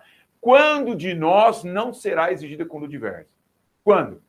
quando estivermos. Então, causas que excluem a exigibilidade quando inverso. Quando estivermos diante de uma obediência hierárquica, obediência hierárquica, ou diante de uma coação irresistível. Posso colocar coação moral aqui, inclusive, tá? Coação irresistível. Nessas duas oportunidades, pessoal, de nós não será exigida quando diversa. Quando estiver em obediência hierárquica, em coação irresistível. Beleza, pessoal? Tranquilos? Exemplo. É, eu peço, por exemplo, eu aprendi aqueles valores, por exemplo, num crime militar. Vamos supor que seja um crime militar, aqueles valores apreendidos lá pela policiamento rodoviário, lá na, no, perto da, do 25, do 21I ou 25I, né? Lá de Dracena, é, é, para frente do Oswaldo Cruz, lá não lembro agora. Mas, falar, imagina que seja um crime militar, eu apreendo.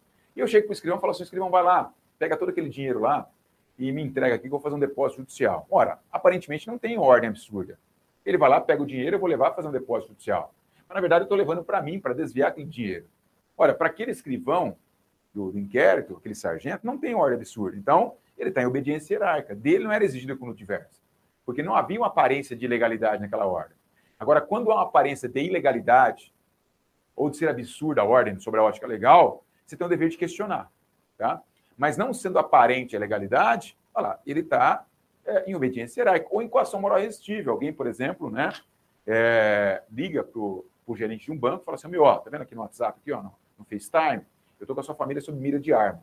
Ou você permite que alguém está na sua frente aí agora, trajando terno, camisa branca, não sei o que lá, descreve o cara.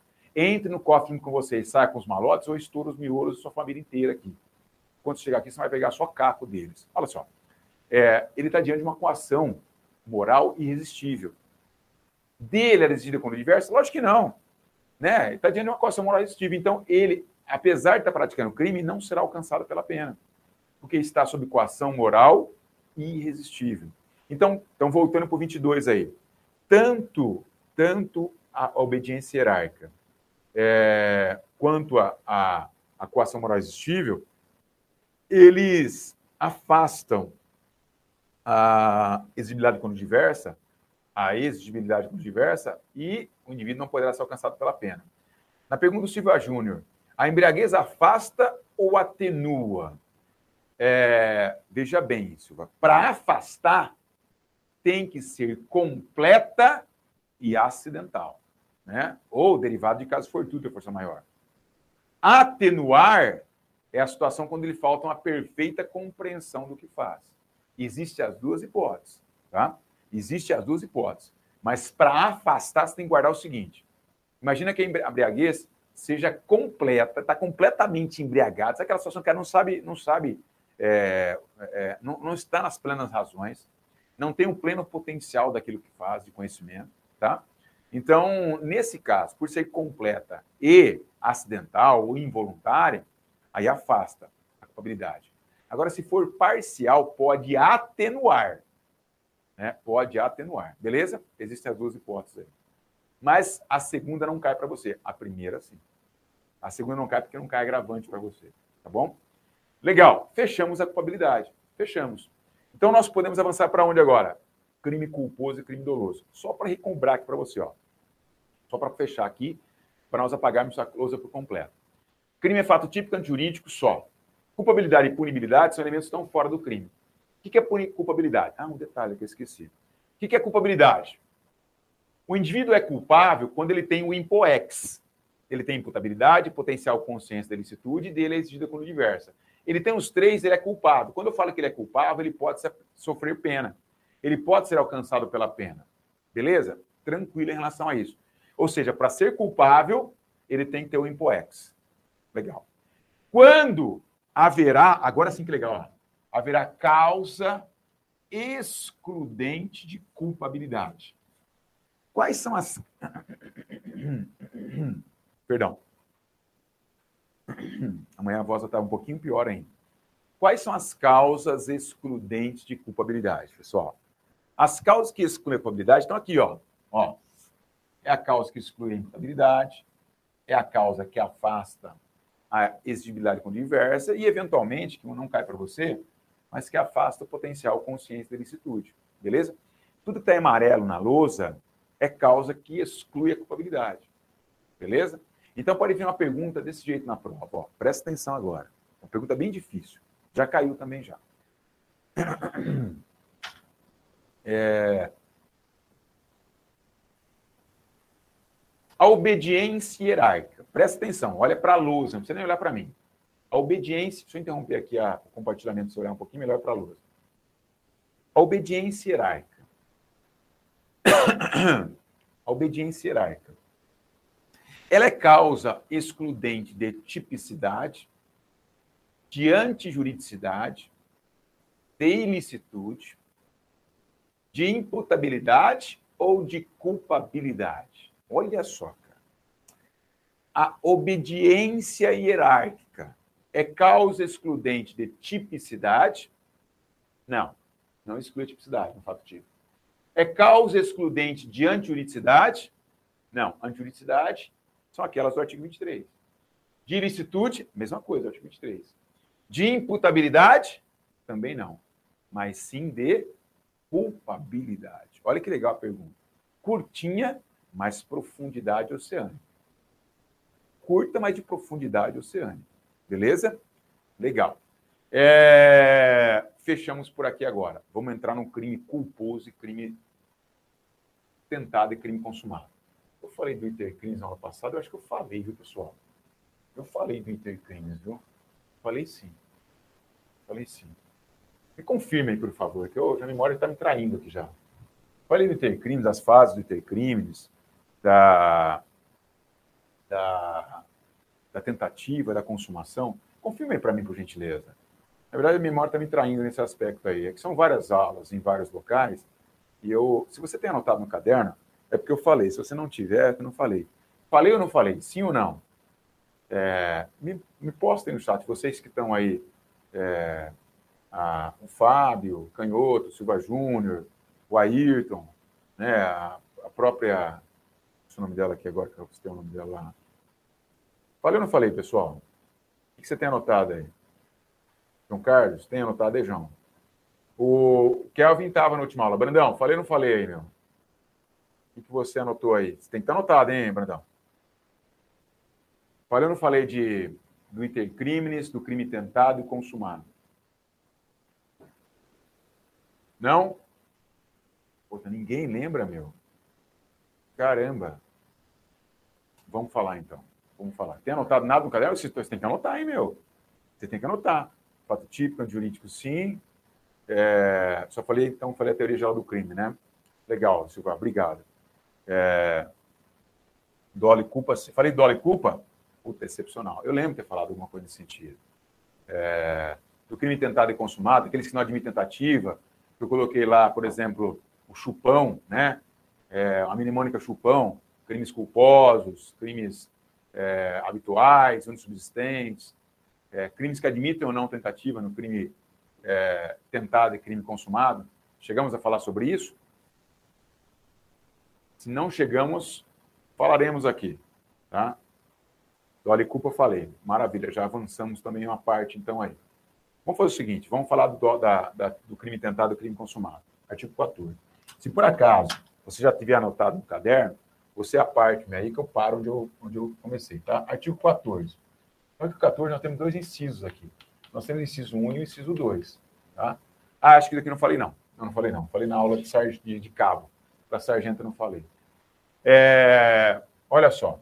Artigo 14, inciso 1 e 2. O que nós temos o inciso 1 e o inciso 2, pessoal? É, o crime tentado e o crime consumado. Na verdade, começa com o crime consumado e o crime tentado. Vamos lá pegar para vocês verem aqui. Ó. Olha só. Ó, vou pegar aqui na apostila, é, vocês vão. Cadê? Artigo 14. Crime tentado e crime consumado. Tá? O que nós temos aqui? Então, ó, deixa eu pegar aqui. Não, você não está vendo nada, né? Porque eu não compartilhei a tela. Como você vai ver? Deixa eu compartilhar a tela com você. Isso. Olha só. Estou aqui. Nós temos o que aqui? Ó? Nós temos crime tentado e crime consumado. Vou começar pelo consumado. Quando, quando se fala que o crime é consumado? Então, crime consumado. Aqui, o consumado não cai. É porque é fácil. Quando está consumado o crime?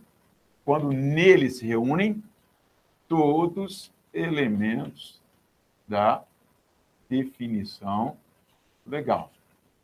Então, quando o crime está consumado? Quando nele se reunirem todos os elementos da sua definição legal. Exemplo de elementos da definição legal. Exemplo, o artigo 121. Qual que é o crime do artigo 121? Homicídio. O que, que traz um artigo de homicídio? Matar alguém. Matar alguém. Né? Quais são os elementos da definição legal do crime de homicídio? Primeiro elemento, matar. Segundo elemento, alguém. O que é matar? Suprimir vida. Alguém. De pessoa humana. Tá?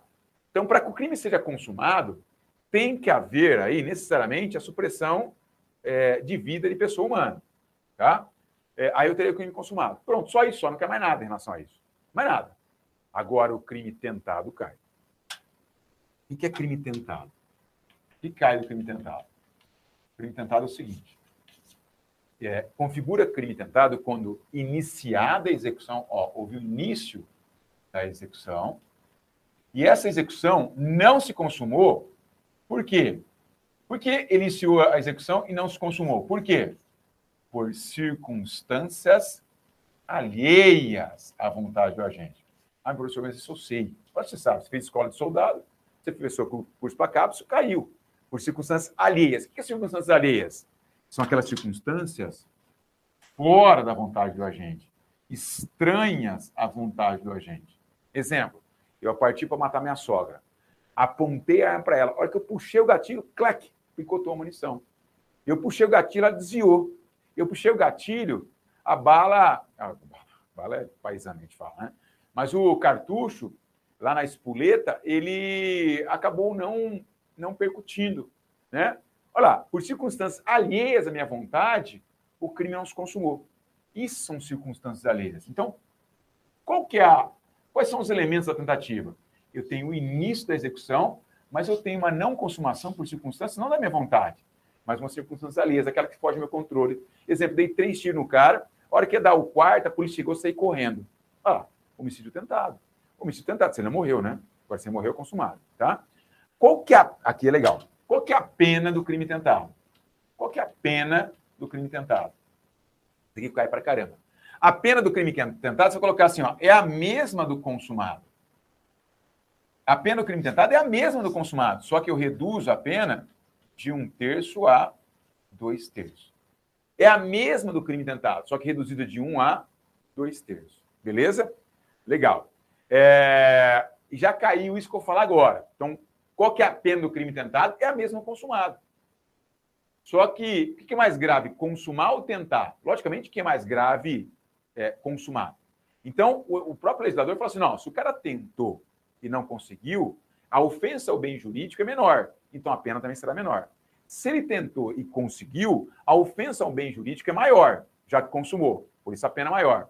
Então, a pena do crime tentado é igual à do consumado, porém reduzida de 1 a 2 terços. Como assim reduzida de 1 a 2 terços? Quanto mais distante da consumação ele passar, exemplo, eu chego em casa, minha sogra comeu lá ah, os porpetones, né?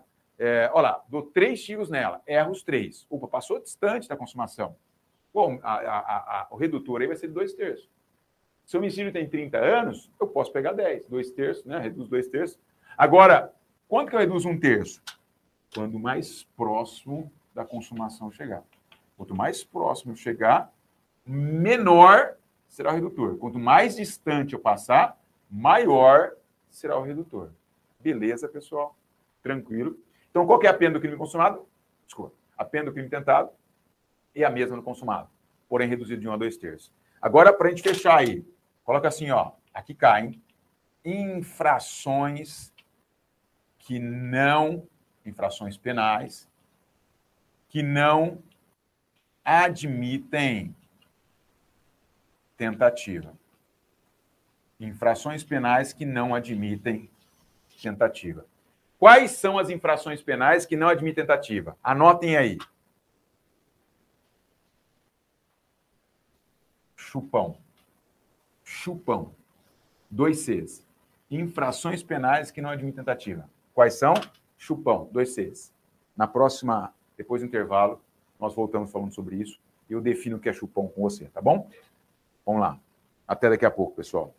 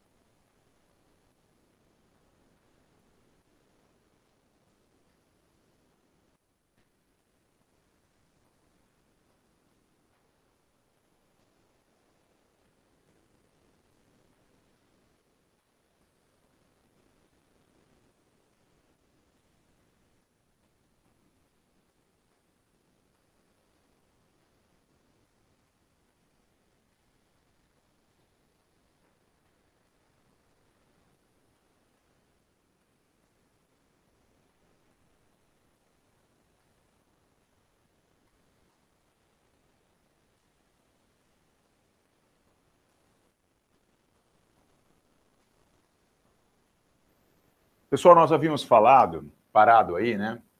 É, quais crimes não admitem tentativa? Ou seja, quais infrações penais não admitem tentativa? Quais são elas, né? É, o que, que nós podemos falar sobre isso? E daqui, daqui a perguntinha clássica também, cai pra caramba, sabe? É, nós definimos aí, colocamos aí uma mnemônica né, chamada chupão. O que, que é o chupão? Olha lá. São aquelas infrações penais que não admitem tentativa. Quais são as infrações penais que não admitem tentativa? Primeiro C, anote aí. Primeiro C, contravenções penais. Contravenções penais não admitem tentativa. Na verdade, a contravenção não é punida a tentativa, de acordo com o artigo 4 da Lei de Contravenção. Não se pune a tentativa. Não é que ela não admite, ela até admite, mas não é punida, tá? Então, o primeiro C aqui é o C das contravenções. Dois. Dois. Qual que é, é a outra infração penal que não admite tentativa? Crimes culposos. Crimes culposos não admitem tentativa. Por que não admitem? Porque o cara, quando ele dá aso a um crime culposo, ele dá por imprudência, negligência ou imperícia. Ele dá causa a um crime culposo, não por vontade, mas por imprudência, negligência e imperícia. Como é que ele vai tentar praticar algo que ele nem sabe o que quer praticar?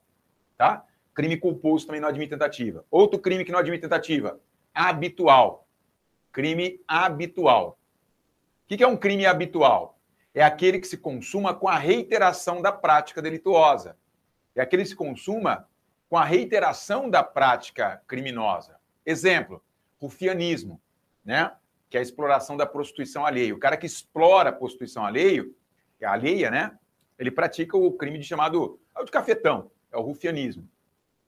Veja bem, a prostituição não é crime. O cara comercializar, ou a pessoa comercializar é, mediante remuneração seu próprio corpo, é um ato imoral, mas não é ilegal.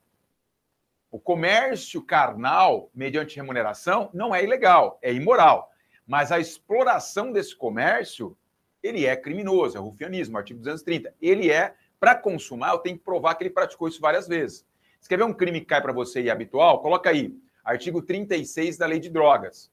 O artigo 36 da Lei de Drogas é aquele crime de financiamento e custeio. O cara que financia e custeia né, é, quadrilhas, né, com, é, organizações de drogas o financiar e custear, que é o crime mais grave da lei de drogas, para eles consumar, tem que ser habitual, ou seja, tem que ser haver uma prática, uma reiteração da prática delituosa. Beleza? Outro, o P, o crime unissubsistente. Crime unissubsistente, é o chamado crime de mera conduta, tá? Crime de mera conduta unissubsistente, podemos exemplificar para ficar mais claro para você. Qual que é o crime unissubsistente que nós temos? Nós temos aí o... a invasão do domicílio, artigo 150 do Código Penal. Muitos falam que é insubsistente. O cara é ingressar ou permanecer de forma clandestina ou suciosa na residência alheia, né? O artigo 150. O artigo 135 é o mais, o mais, é... mais próprio dos crimes de mera conduta, a omissão de socorro, ou 304 do CTB, né? Nós temos o crime de omissão de socorro, também são crimes unissubsistentes, ou seja, é, ou seu omite a prestação de socorro já está consumado, ou presta e não tem crime. Como você vai tentar cometer um crime de omissão de socorro? Ou você presta e não tem crime, ou você não presta e está consumado o crime. Beleza? Legal. É, próximo. Crime pré-ter doloso. O que é um crime pré-ter doloso? Você pode colocar aí, ó, é aquele que adola na ação e culpa no resultado gravador. Crime que adola na ação e culpa no resultado gravador né? Então, a lesão corporal seguida de morte, a tortura seguida de morte, o cara teve a intenção de produzir lesão corporal, a morte veio de forma culposa. O cara teve a intenção de torturar, a morte veio na tortura como, como de maneira culposa. Ele não quis matar, nem na lesão corporal, nem na tortura. Quando eu pratico um dolo na ação, você dá um soco na cara do cara, ele rodopia, cai, bate a cabeça e morre, dolo na ação e culpa no estado mais grave, eu vou torturar o cara. Dolo na ação de tortura culpa na morte pela tortura, esse crime pré-ter doloso, tá? É um crime chamado crime qualificado pelo resultado agravador. Também não admite tentativa. A. Crime de atentado ou de empreendimento. Só tem um crime no Código Penal, na verdade tem vários, né? Mas que caem para você é o artigo 352 do Código Penal. Artigo 352, tá? O crime de evasão fuga, artigo 352. Nós falaremos dele lá na frente, quando estudarmos os crimes contra a administração pública ou os crimes contra a administração da justiça. Vou me permitir é, remeter essa explicação lá para frente, fica mais fácil, tá bom? Próximo, crime O, omissivo próprio. Crime omissivo próprio, que é a mesma coisa, quase, do crime de mera conduta, né? Eu vou usar o mesmo exemplo, na verdade. O omissivo próprio não quer dizer que é uma coisa e outra. Mas o crime omissivo próprio, eu vou usar o mesmo exemplo. É aquele em que o agente omite um comportamento que dele era guardado. Ele omite um comportamento que dele era guardado. Exemplo, omissão de socorro. O que, que era guardado dele? Que ele prestasse socorro àquela pessoa que necessita, que está ferida, desamparada, uma criança extraviada, em perigo, né? Olha, aguardava dele a prestação de socorro. Ele não faz. É omissivo próprio. O que caracteriza um crime omissivo próprio? O que caracteriza é que no núcleo do tipo dele, ou seja, no verbo do crime, nós temos lá uma omissão. Uma omissão, deixar de prestar socorro quando possível fazê-lo, não pedir à autoridade competente quando possível fazê-lo. Então, deixar de prestar, não pedir. Se quer ver um crime que é omissivo próprio também? A prevaricação. Deixar de praticar ato de ofício para satisfazer é, é, sentimento ou interesse pessoal. O cara que deixa, não faz, né? O, o, ato de ofício, o deixar lá na prevaricação, ele é omissivo próprio. Então, esses crimes não admitem tentativa. Tá? Então, quais são os crimes que não admitem tentativa? As infrações penais, chupão, contravenções, crimes culposos, habituais, o H, o unissubsistente, chamados de mera conduta, crimes pré-terdolosos, o P, o A, atentado ou empreendimento, que só cai um para você, que é o artigo 352, e o outro crime que é o crime omissivo próprio. Beleza? Legal. É, partimos, partamos agora para outra outro ponto da matéria. Vamos pegar aqui na, na apostila. É, deixa eu compartilhar a apostila com você. Acho que está compartilhada já, né? Deixa eu ver se está compartilhada aqui. Tá, sim. Vamos compartilhar. Vamos seguir aqui, ó. Nós vamos para o concurso de pessoas, que você não tem também, vou te mandar, tá? É, tanto o artigo 30 como é, o 29, 30 e 31. Tá? É fácil, você já sabe isso já. Mas eu vou passar umas questões que caiu, inclusive, na prova de sargento, que matou meio mundo. Nós vamos falar isso, isso aqui agora. Muito legal. Vamos lá. É... E aí a gente fecha, fechando o concurso de pessoas, nós vamos para a ação penal. E aí a gente fecha a aula com essa lousa. Na próxima aula de amanhã, começamos a parte especial, tudo bem? Vamos lá então. Amanhã, então, temos aula, para quem chegou agora de novo, de direito, né, por conta do professor de informática ter uma missão na Polícia Militar aí, inadiável, né? Vamos marcar a aula dele. Qualquer novidade, tá meu telefone aqui, nós estamos coordenando esse curso. Naquilo que você precisar, de alguma dúvida, alguma necessidade, alguma sugestão, tá? Pode mandar para mim no particular lá, tá? No privado. Ou também, né?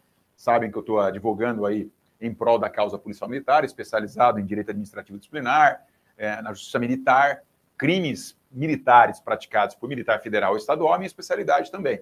Né? Aliás, ontem à tarde estava fazendo audiência no TJM, por isso que eu estou com a voz um pouquinho é, abalada. Amanhã tem audiência na academia, né? E assim por diante. Mas, é, precisando de alguma coisa, estão à disposição também, o telefone está aí na lousa. É, olha lá, vamos falar agora de concurso de pessoas. Concurso de pessoas. Pessoal, quando a gente fala de concurso de pessoas, nós estamos falando aqui de concurso de agentes. Concurso de pessoas ou concurso de agentes é a mesma coisa, tá? Concurso de pessoas ou concurso de agentes, tá? é, são várias pessoas concorrendo para a prática de um crime. Então, quando eu falo concurso de pessoas, são várias pessoas concorrendo para a prática de um crime. Momentinho só aqui. É, enquanto eu vou falando também, né? É, deixa eu ver se eu consigo aqui. Fechar esse negócio aqui, que fica mais fácil nós manusearmos. Quando a gente fala em concurso de pessoas, pessoal, é, nós temos dois tipos de concurso de pessoas, tá? É, nós temos a coautoria e a participação. Mas quando cai, quando cai, cai justamente o que está na, na, letra da lei, o artigo 29. Vamos pegar aí, ó. Quem de qualquer modo concorre para a prática de um crime incide nas penas a ele combinadas à medida da sua culpabilidade. O que, que é isso? Quem de qualquer modo concorre para um crime incide nas penas daquele crime. Exemplo: se eu ajudei alguém a roubar, eu vou responder por roubo. Se eu ajudei alguém a estuprar, eu vou responder por estupro. Se eu ajudei alguém a praticar peculato, eu vou responder por peculato. É dessa forma, tá? É, quem, de qualquer modo, concorre para a prática de um crime, incide nas penas a ele combinadas à medida da sua culpabilidade. Olha só, quais são os tipos de concurso de pessoas? Quais são os tipos? Quais são as espécies? Né? Nós temos dois tipos aqui. Nós temos a coautoria e a participação. Né? Participação. Muitos confundem aqui, hein, pessoal? Toma cuidado, até o polícia confunde, hein? Exemplo: o polícia vai abordar alguém e esse alguém estava dentro de um carro, próximo a uma agência bancária. Só que o ladrão estava fazendo cavalo. Ou seja, ele era o cara que ia fazer a pilotagem do carro de fuga. E quem estava no interior da agência estava subtraindo valores no interior da agência para entrar no carro e ganhar fuga. E aconteceu isso. A polícia passou, viu o carro parado de forma suspeita, fez o carambolê, voltou. Quando voltou, os ladrões que roubaram o banco já estavam dentro do carro, já empreendendo fuga. Polícia acompanhou. Durante o acompanhamento, houve um, é, a, a, batida do carro, vou assim, né? Uma colisão, um choque do carro. E esse carro que estava os meliantes é, acabou capotando e todos foram presos, né? Saíram devidamente ceifados, não, né? Preservados na sua vida, né? Pergunto: quem estava no interior do carro e deu fuga e não entrou no banco, ele é autor, coautor, partícipe? Aqueles que estavam no interior do banco, eles são autores, coautores, partícipe? Quem é cada um deles, né? Qual é a posição de cada um deles? É isso que nós vamos ver agora. Porque várias pessoas concorreram para a prática do crime. E o concurso de pessoas está no artigo 29, mas também dá um pezinho no artigo 30 lá, que fala: quem de qualquer modo concorre para a prática de um crime incide nas penas desse crime na medida da sua culpabilidade. E fala no artigo 30 que não se comunicam as circunstâncias e as condições de caráter pessoal, salvo quando forem elementares do crime. Esses dois artigos tem que decorar. Infelizmente, você tem que decorar, tá? Os parágrafos primeiro e segundo do 29 você não precisa decorar, mas tem que saber, vou te explicar aqui agora. Você vai saber interpretá-los, mas os dois artigos tem que saber, porque quando cai, cai muito a redação do artigo 29. Cai muito, muito, muito mesmo. Mas, bom, passada a fase, superada a fase decoreba, vamos dar uma. Deixa eu, deixa deixa eu compartilhar a tela aqui. Deixa eu compartilhar a tela, porque agora a gente vai para a luz um pouquinho, tá? É... Deixa eu ter um compartilhamento aqui para você. Então vamos lá. Então, assim, ó, Vamos para a luz um pouquinho aí. O que nós temos na luz aí, pessoal? Nós temos a situação de coautoria. O que é coautoria? É um autor praticar o crime, praticar o crime ao lado de outro autor, ao lado de outros autores, né? Pouco importa quantos. Mas é um autor praticado, praticando crime ao lado de outro autor. Condômino é aquele que tem domínio praticando crime ao lado de quem tem. Praticando praticando a dominação, né, a propriedade, ao lado de outro que tem dominação também. Por isso são co-dominadores ou condôminos, tá? É... Co-assistente, aquele que é assistente ao lado de outro, tá? O autor. Quem que é autor no Brasil? Quando a gente fala em autoria, autor no Brasil é aquele que realiza o verbo do crime. Todo crime tem um verbo, quer por ação, quer por omissão, né? É... Todo crime tem um verbo. Esse, quando a gente realiza o verbo do crime, o chamado núcleo do tipo, ninguém fala verbo do crime, né? Falei aqui, mas entre aspas, porque é mais coloquial. Mas quando você vai falar fazer o núcleo do tipo, o que é o núcleo do tipo? É o verbo do crime. Então, autor vai ser aquele que realiza o núcleo do tipo. Realiza, entre aspas, o verbo presente no tipo penal. Tem crimes que tem mais de um verbo, chamado crimes de conteúdo múltiplo, né? Ou tipo misto alternativo de conteúdo variado, como o próprio artigo 16 do, da lei de drogas, da lei de armas, ou artigo 33 da lei de drogas, tem 18 verbos lá. São os crimes que mais têm verbos no Brasil, 18 ações e até omissões também, tá?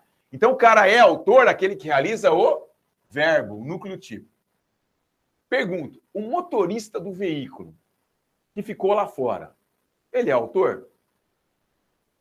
Para ser autor, você acabou de falar para mim, autor, e aí o Código Penal adotou a teoria restritiva, né? O que é teoria restritiva? Só é autor no Brasil quem realiza o verbo. Realizou o verbo, é autor. Não realizou, não é autor. O cara que estava lá, que fez, deu cavalo para os ladrões que roubaram o banco. Ele é autor? Pergunta. Autor do quê? De qual crime? Dirigir veículo. É crime, não. O autor do roubo a banco. Então, o que é roubo? Subtrair é, bem móvel à lei mediante violência ou grave ameaça ou depois de haver por qualquer meio reduzido a capacidade de resistência. Ele subtraiu mediante violência ou grave ameaça? Não. Quem subtraiu é aqueles que estavam lá dentro. Aqueles que estavam lá dentro realizaram o núcleo. E ele? Ele contribuiu para a prática do crime, mas sem realizar o núcleo. Aquele que contribui para a prática do crime sem realizar o núcleo é autor? Não. Ele é partícipe, pessoal. Partícipe. Esse cara que estava lá fora, ele é partícipe. Assistiram um caso de papel? La Casa de Papel? A melhor série de dois, eleita em 2020. Você tem que assistir. Maravilhosa. Puta, show de bola. Cara. Show, uma série excepcional. Dark também série maravilhosa, né? O Grande Hotel, é, Os Templários, puta séries maravilhosas. Começar a falar de filme aqui na Netflix, né?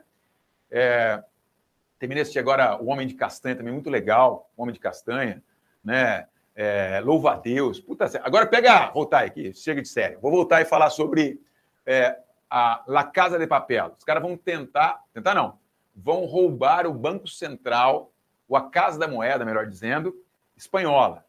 O professor, ele subtraiu valores? Ele entrou lá e retirou valores? Não. Então ele não é autor. Pelo direito brasileiro, esse cara não é autor. Esse cara ele é partícipe. Por quê? Quem é partícipe? Você vai colocar assim, ó, partícipe é aquele que de qualquer forma é aquele que de qualquer forma contribui contribui para a prática do crime, para a prática do crime sem realizar o núcleo do tipo. Núcleo do tipo. É aquele que, de qualquer modo, concorre para a prática de crime sem realizar o núcleo do tipo. O professor não realizou. O cara, o cara que pensou a ação criminosa para assaltar o Banco Central de Fortaleza, ele não tirou um maço de dinheiro lá de dentro. Ele é partícipe. O cara que forneceu a planta do Banco Central, ele é partícipe, porque ele não tirou dinheiro lá dentro. Então, o partícipe é aquele que, de qualquer modo, concorre para a prática do crime sem realizar o núcleo do tipo. E aquele cara que estava dirigindo o veículo de fuga, ele é partícipe. Porque é autor quem realiza o verbo, ele não realizou. Ele auxiliou na, auxiliou na realização, mas não realizou. Beleza? Então, ele é partícipe. E o partícipe, pessoal, nós temos dois tipos dele. Nós temos a participação moral e a participação material. Participação moral e a participação material. O que é a participação moral? A chamada ideal, né? Ideal, ou psicológica. Psicológica, né? É, a moral é aquela que o indivíduo ou ele induz ou ele instiga alguém a praticar o crime. Eu chego e falo assim, ô, deixa eu pegar um aqui da sala assim, da sala. Pegar alguém aqui. Ô, Fábio. Ô, Letícia. São Luciano, vai lá e mata o cara, meu. Mata o cara lá.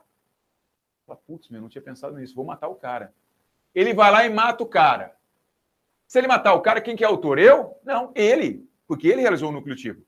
E eu? Eu induzi. O que é induzir? Eu fiz brotar uma ideia da qual ele não tinha.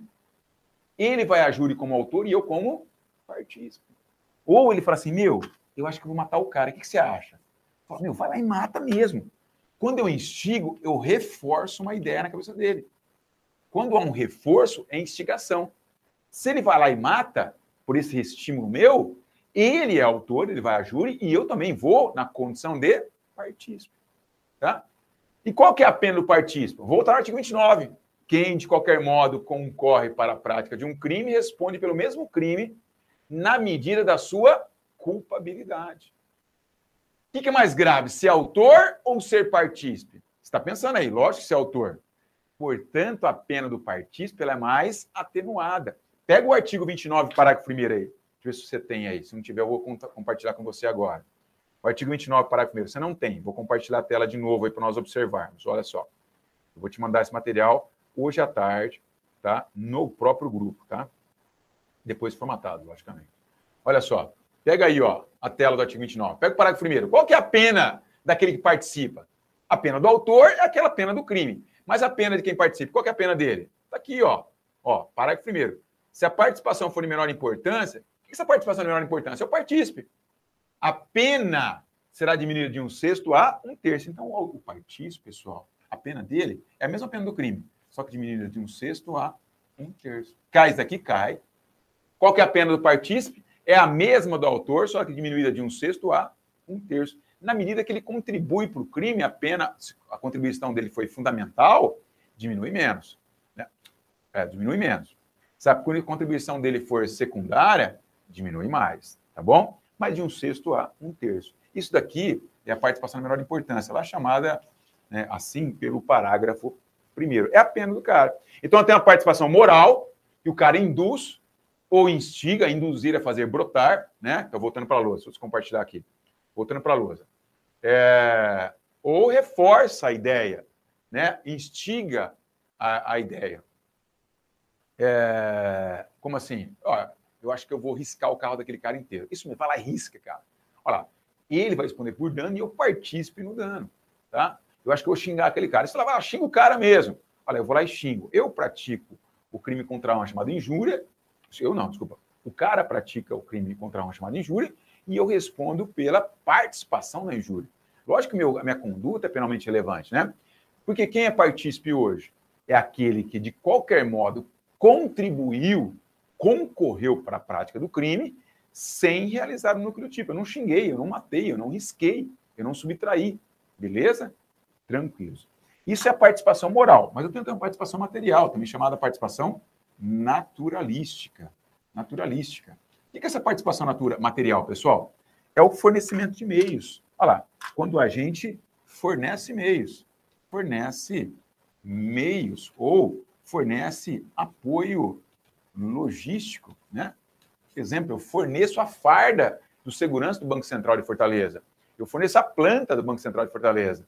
É, eu, eu empresto instrumento para praticar o crime. Exemplo, o cara vai, fala que vai matar, por exemplo, pegar um exemplo aqui. Ah, hoje eu vou atirar em viaturas da PM. Ah, você vai atirar em viatura da PM, então eu vou te emprestar minha arma para isso. É, aqui o exemplo não é muito feliz, porque a sessão de armas configura crime lá da lei, a lei 10826. O cara ceder a arma configura um crime específico não entra como partícipe, assim como autor. É, mas pode ser, pode ser, responde pelo crime de cessão da arma, mas a participação no homicídio de, de, policiais. Eu vou matar aquela pessoa. Você matar como? Não sei, vou pensar ainda. Ela tá aqui a corda, vai lá enforca ela. Vai lá mata ela com essa faca. Fornece meios para isso. Esse fornecimento material de meios, eu contribuí de alguma forma para a prática do crime. Emprestei o carro, né? É, emprestei o cartão, emprestei a farda para entrar. Olha lá, esse fornecimento de meios é uma participação material. Então, a participação é aquela situação que o indivíduo contribui de qualquer modo a prática do crime sem ter realizado o núcleo tipo, não é isso? É. Pode ser moral ou pode ser material, beleza? A pena dele é diminuída de um sexto a um terço. Só que voltando um pouquinho ainda para esse cenário nosso, chamado é, de autoria. Aqui uma pergunta maravilhosa, são três situações que nós não, é, é, não temos coautoria né? Não temos um autor praticando crime do autor. Por quê? Deixa eu voltar um pouquinho a nossa explicação. Quando eu falo que o concurso de agentes, eu falei para você dar uma olhada lá no artigo 29. Eu falei assim, pessoal, decore o artigo 29 e o artigo 30. E o que, fala o 29?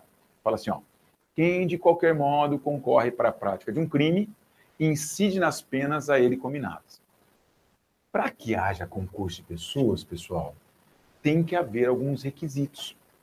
Quais são os requisitos que a, a lei pede para a existência do concurso de pessoas? Primeira coisa, pluralidade de condutas. Pluralidade de condutas. Tem que haver mais de uma conduta, do cara subtraindo o outro, conduzindo o veículo, um cara emprestando o outro matando. Pluralidade de condutas. O que mais, além da pluralidade de condutas? Relevância causal dessa conduta. Então, lá, segundo, segundo requisito.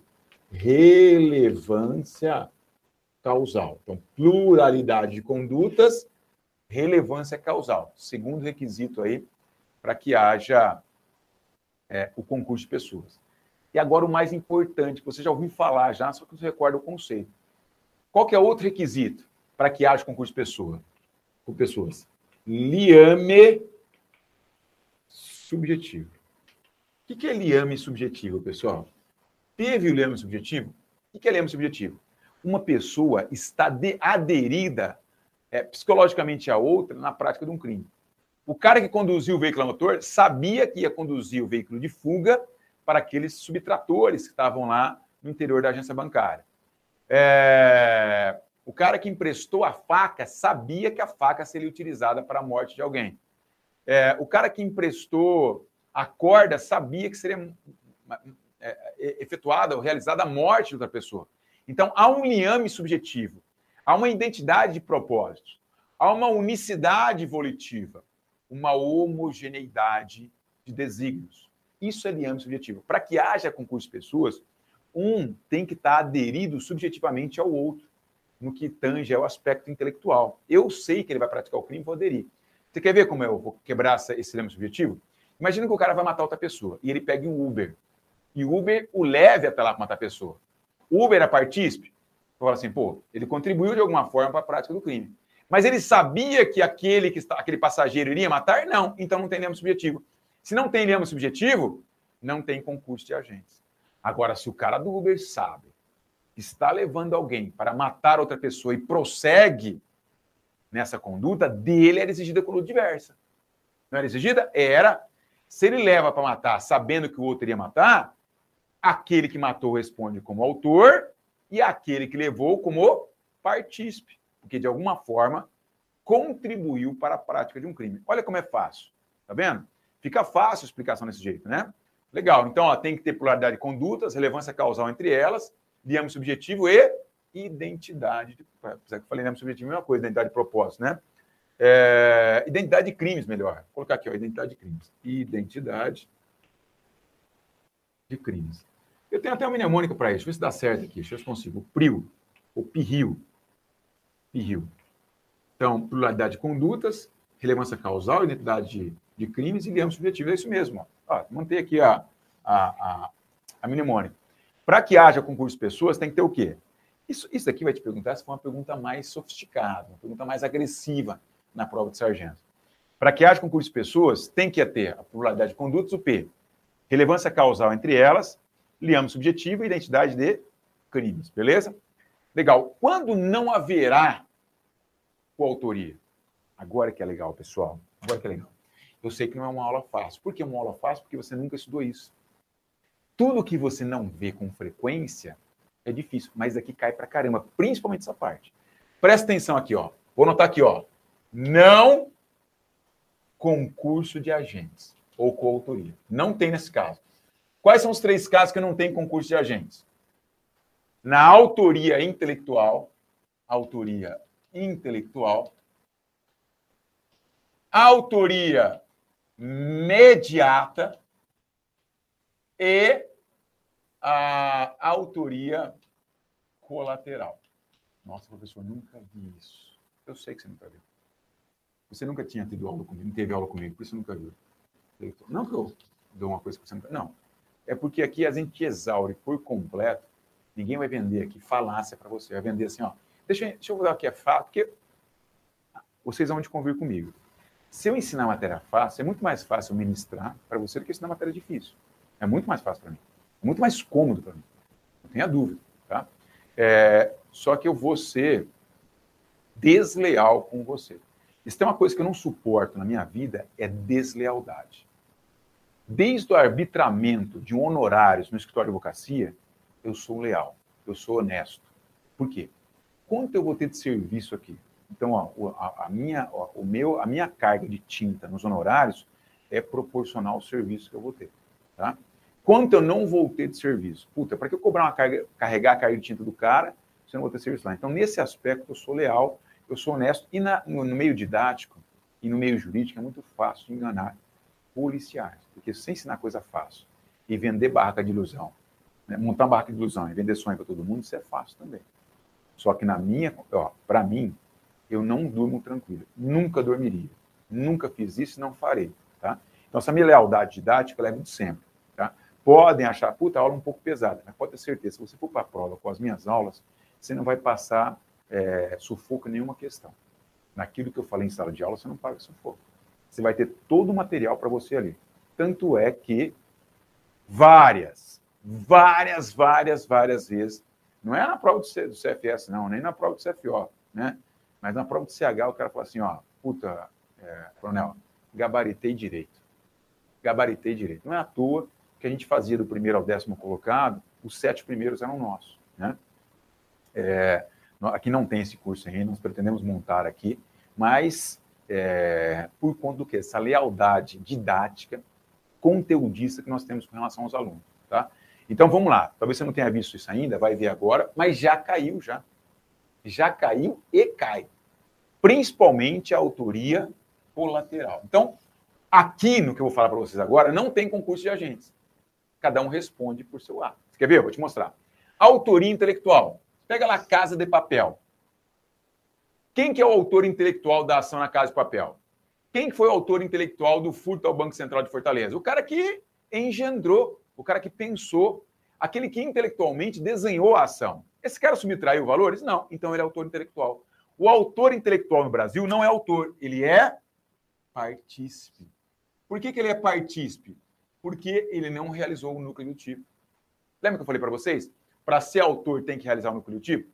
Aquele que subtrai valores é autor, porque realizou o, o, o verbo lá do artigo 155, subtrair. Coisa móvel a lei, para si para outra, né? É, agora, quem pensa, o autor intelectual no Brasil, ele não é autor. Só numa hipótese. A única exceção. Qual que é a única exceção? No homicídio mediante paga ou promessa e recompensa. No homicídio mediante paga ou promessa e recompensa, no artigo 121, parágrafo 2 inciso 1, é, ou por outro motivo torpe, né? Que é o, homicídio qualificado, homicídio com motivo torpe. Esse cara, ele é autor. No Brasil, excepcionalmente, esse cara é autor. Mas restante, o autor intelectual, ele não é autor. Outra situação, autoria mediata. O que é autoria mediata, pessoal? O cara também não é autor. Você quer anotar aí? Você quer anotar? Eu vou definir, depois você retorna o vídeo você anota conforme mais, mais, mais assim, mais devagar, né? Com mais calma, porque nós temos ainda ação penal para terminar e aí a gente exaure toda a parte geral do Código Penal. E na próxima aula, que é amanhã, nós falaremos sobre a parte especial do Código Penal, tá bom? Então, vamos falar assim, ó. Quem que é a autoria imediata? Autor imediato é aquele que se serve. É aquela pessoa que se serve, que se vale de uma terceira pessoa, projetando nela a sua vontade e utilizando-a como instrumento da prática de um crime. Então, quem que é autor, autor imediato é aquele que, se, é, aquele que é servido, é aquele que é, a sua vontade foi contaminada por um terceiro. Então, autor imediato é aquele que ele se serve de uma terceira pessoa para praticar um crime. Exemplo, eu chego em casa hoje, pego meu filhinho lá que tem quatro anos, falo assim, filhinho, vovó comeu o popertone do papai, que é que eu chegaria e me alimentaria dele. Ela está dormindo lá, roncando, parece uma Toyota desregulada lá no chess da sala. Pega 40 do papai, vai lá, pega ponto 40 do papai, vai lá dar um tirinho na cabeça da vovó, brinca com ela. Ora, ele não tem o discernimento de saber que disparar uma arma de fogo é crime. Na verdade, o que eu estou fazendo? Eu estou utilizando como autor imediato. Estou projetando nele a minha vontade e utilizando-o como instrumento da prática de um crime. Então, quem que é o autor imediato? Autor imediato é aquele que é utilizado para a prática de um crime. Mas que não tem pleno conhecimento, né? Potencial de conhecer que aquilo, aquilo que está a praticar é um crime. Então, o cara que se, a, a, o cara que se serve de uma terceira pessoa, projetando nela sua vontade, desculpa, e utilizando-a como instrumento da prática de um crime, esse cara, ele pratica aí a autoria mediata. Porque aquela pessoa que é utilizada não é mais é que um instrumento da vontade dele, tá? Nesse caso, não há uma coautoria, e sim somente uma autoria por parte daquele que projetou a vontade, como no exemplo que eu dei. E agora a autoria colateral, para a gente findar esse tema e irmos já para a ação penal. Né? Autoria mediata, ou desculpa, colateral. O que é autoria colateral? Eu vou definir, não vai fazer sentido para você, mas depois no final eu defino de novo, aí faz sentido. A autoria colateral, pessoal, é aquela em que há dois autores que atuam, atuam paralelamente, um em relação ao outro, sem que um saiba da intenção do outro, mas buscando obter o mesmo resultado. Então, um atua ao lado do outro, né? sem que um saiba da intenção, da intenção do outro, buscando obter o mesmo resultado. Exemplo de autoria colateral. Por isso colateral, porque um atua colateralmente ao outro. Tá? Autoria colateral. É... Eu tenho dois tipos de autoria colateral, né? Isso já caiu já. Eu tenho autoria colateral certa e autoria colateral incerta. Tá? Incerta. Autoria colateral certa e autoria colateral incerta. Que é aquela situação em que um atua paralelamente ao outro, sem que um saiba da intenção do outro, mas buscando os dois o mesmo resultado, mas um sem haver aquele tal do liame subjetivo, sem que um tenha aderido volitivamente, né, ou aderido psicologicamente à intenção do outro. Um não sabe da intenção do outro. Por exemplo, eu é, fui chamado para levar minha sogra para fazer, para pegar um trem, né, que ela vai ficar num resort lá no Líbano, né, na, é, vai para o Afeganistão, passar uns dias num resort lá. Eu recomendei para ela um pacote bem legal, né? Uma área tranquila, né? Que ela compensa a passagem de ida, logicamente. Então eu vou levá-la até a linha do trem. Você sabe que a linha do trem geralmente fica num plano mais alto, né? Geralmente o trem, é, principalmente no interior, né? Que a linha do trem, ela fica num plano mais alto. E aqui ela ia, só que eu tenho que chegar até uma determinada parte, porque o carro não passava na estrada. Para ela ir pegar o, o trem lá numa estação de trem que o trem passa. Então ela foi lá, linda, bela, sorridente, né? Uma mala na mão, uma mala carregando a outra. E eu falei assim, meu, se essa véia dá de voltar lá na frente, eu não vou duvidar, não, mas ela pode passar os dias lá, achar gostoso e voltar. Sabe o que eu vou fazer? Eu vou aproveitar essa oportunidade, vou matá-la. Vou matá-la. E fui armado para matar. Você está compartilhado a tela aqui. Eu já tiro já. Não, não está compartilhado. Então eu falei, amigo, vou matá-la. Só que eu não sabia, né? Vou matá-la enquanto ela estiver circulando sobre o trem. Do outro lado da linha do trem, nutrindo sentimentos maravilhosos para ela, também estava minha concunhada, que também adorava minha sogra, né? Lógico, por sua contagiante é, grau de, de, como poderia dizer, de amistosidade, né? É, de é, é, eloquência, de ser uma pessoa maravilhosa. Também pensou, vou matar a sogra quando o Vitor for levar. Só que um não sabia da intenção do outro.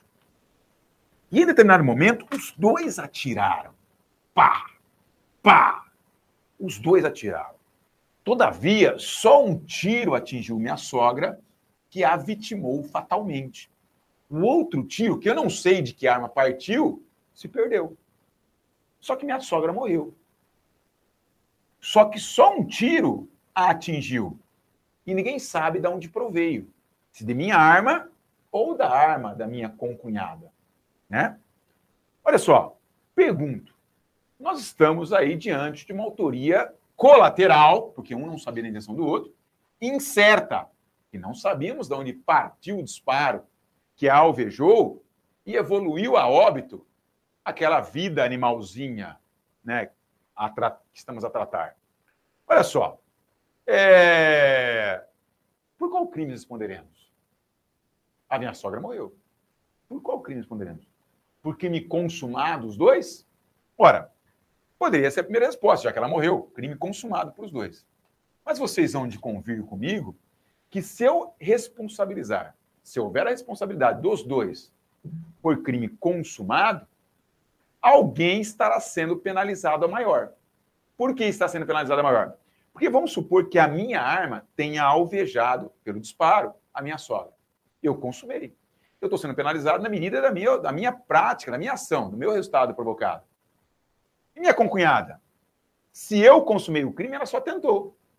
Ora, eu estou penalizando uh, a tentativa dela, já que o disparo dela não acertou, por circunstâncias alheias à vontade dela, eu estaria a penalizá-la por crime consumado, quando ela só tentou. Imagina o inverso. Se a minha arma, é, o disparo da minha arma tenha se perdido e da minha concunhada tenha acertado a minha sogra. Eu serei responsabilizado por crime consumado, porque na verdade só tentei. Ela realizou o crime, mas eu só tentei. Então, res, resumo da ópera. Em nome do princípio, do princípio do indúbio pro réu, os dois responderão por homicídio tentado, porque estão diante de uma autoria colateral incerta, ou seja, eu tenho certeza que os dois tentaram. Isso é certeza. Então, ambos responderão pelo, pelo resultado praticado.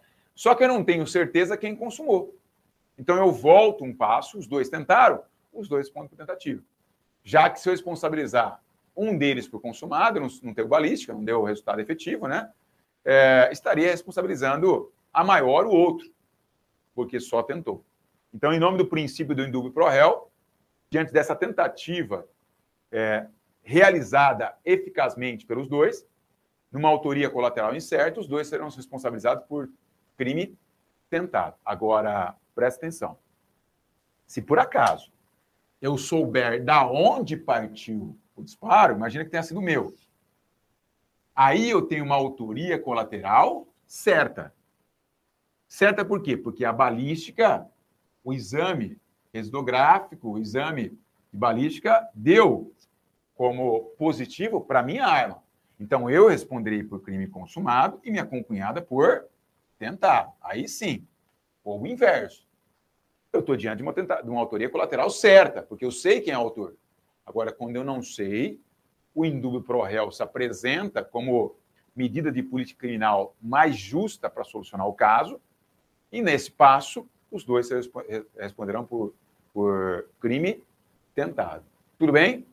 Legal? Mas não há coautoria. Por que, que não há coautoria?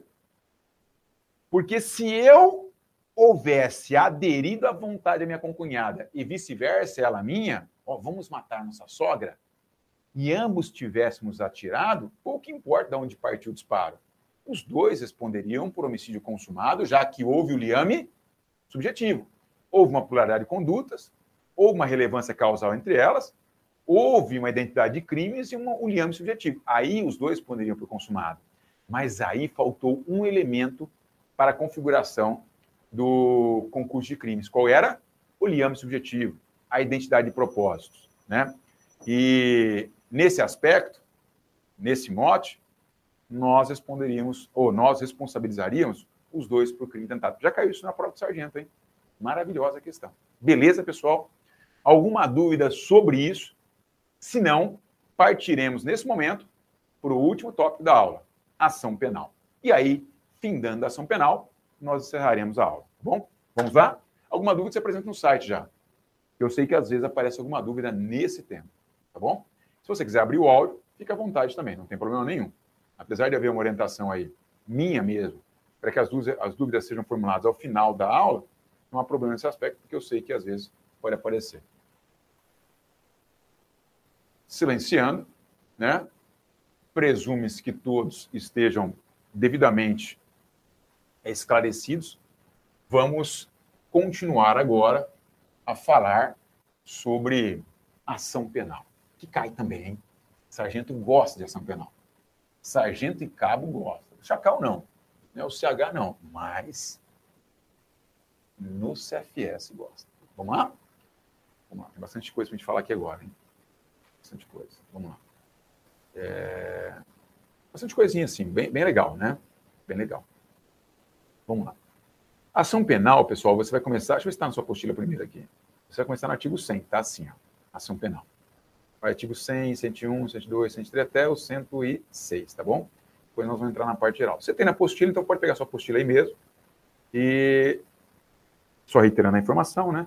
Amanhã teremos aula de penal. Hoje ainda mando material complementar para vocês. Vou pedir para a Augusta, para ela formatar. Vou fazer o material, ela formata, eu envio. Já vou enviar com outras partes faltantes também. Por exemplo, não tem crimes, se não me engano, contra a dignidade sexual.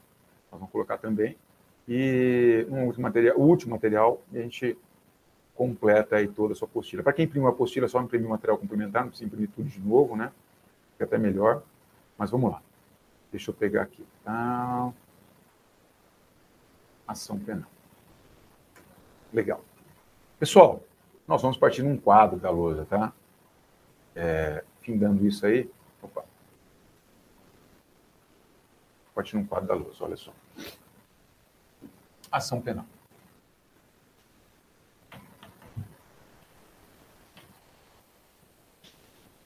Ação penal. Artigo 100 seguintes.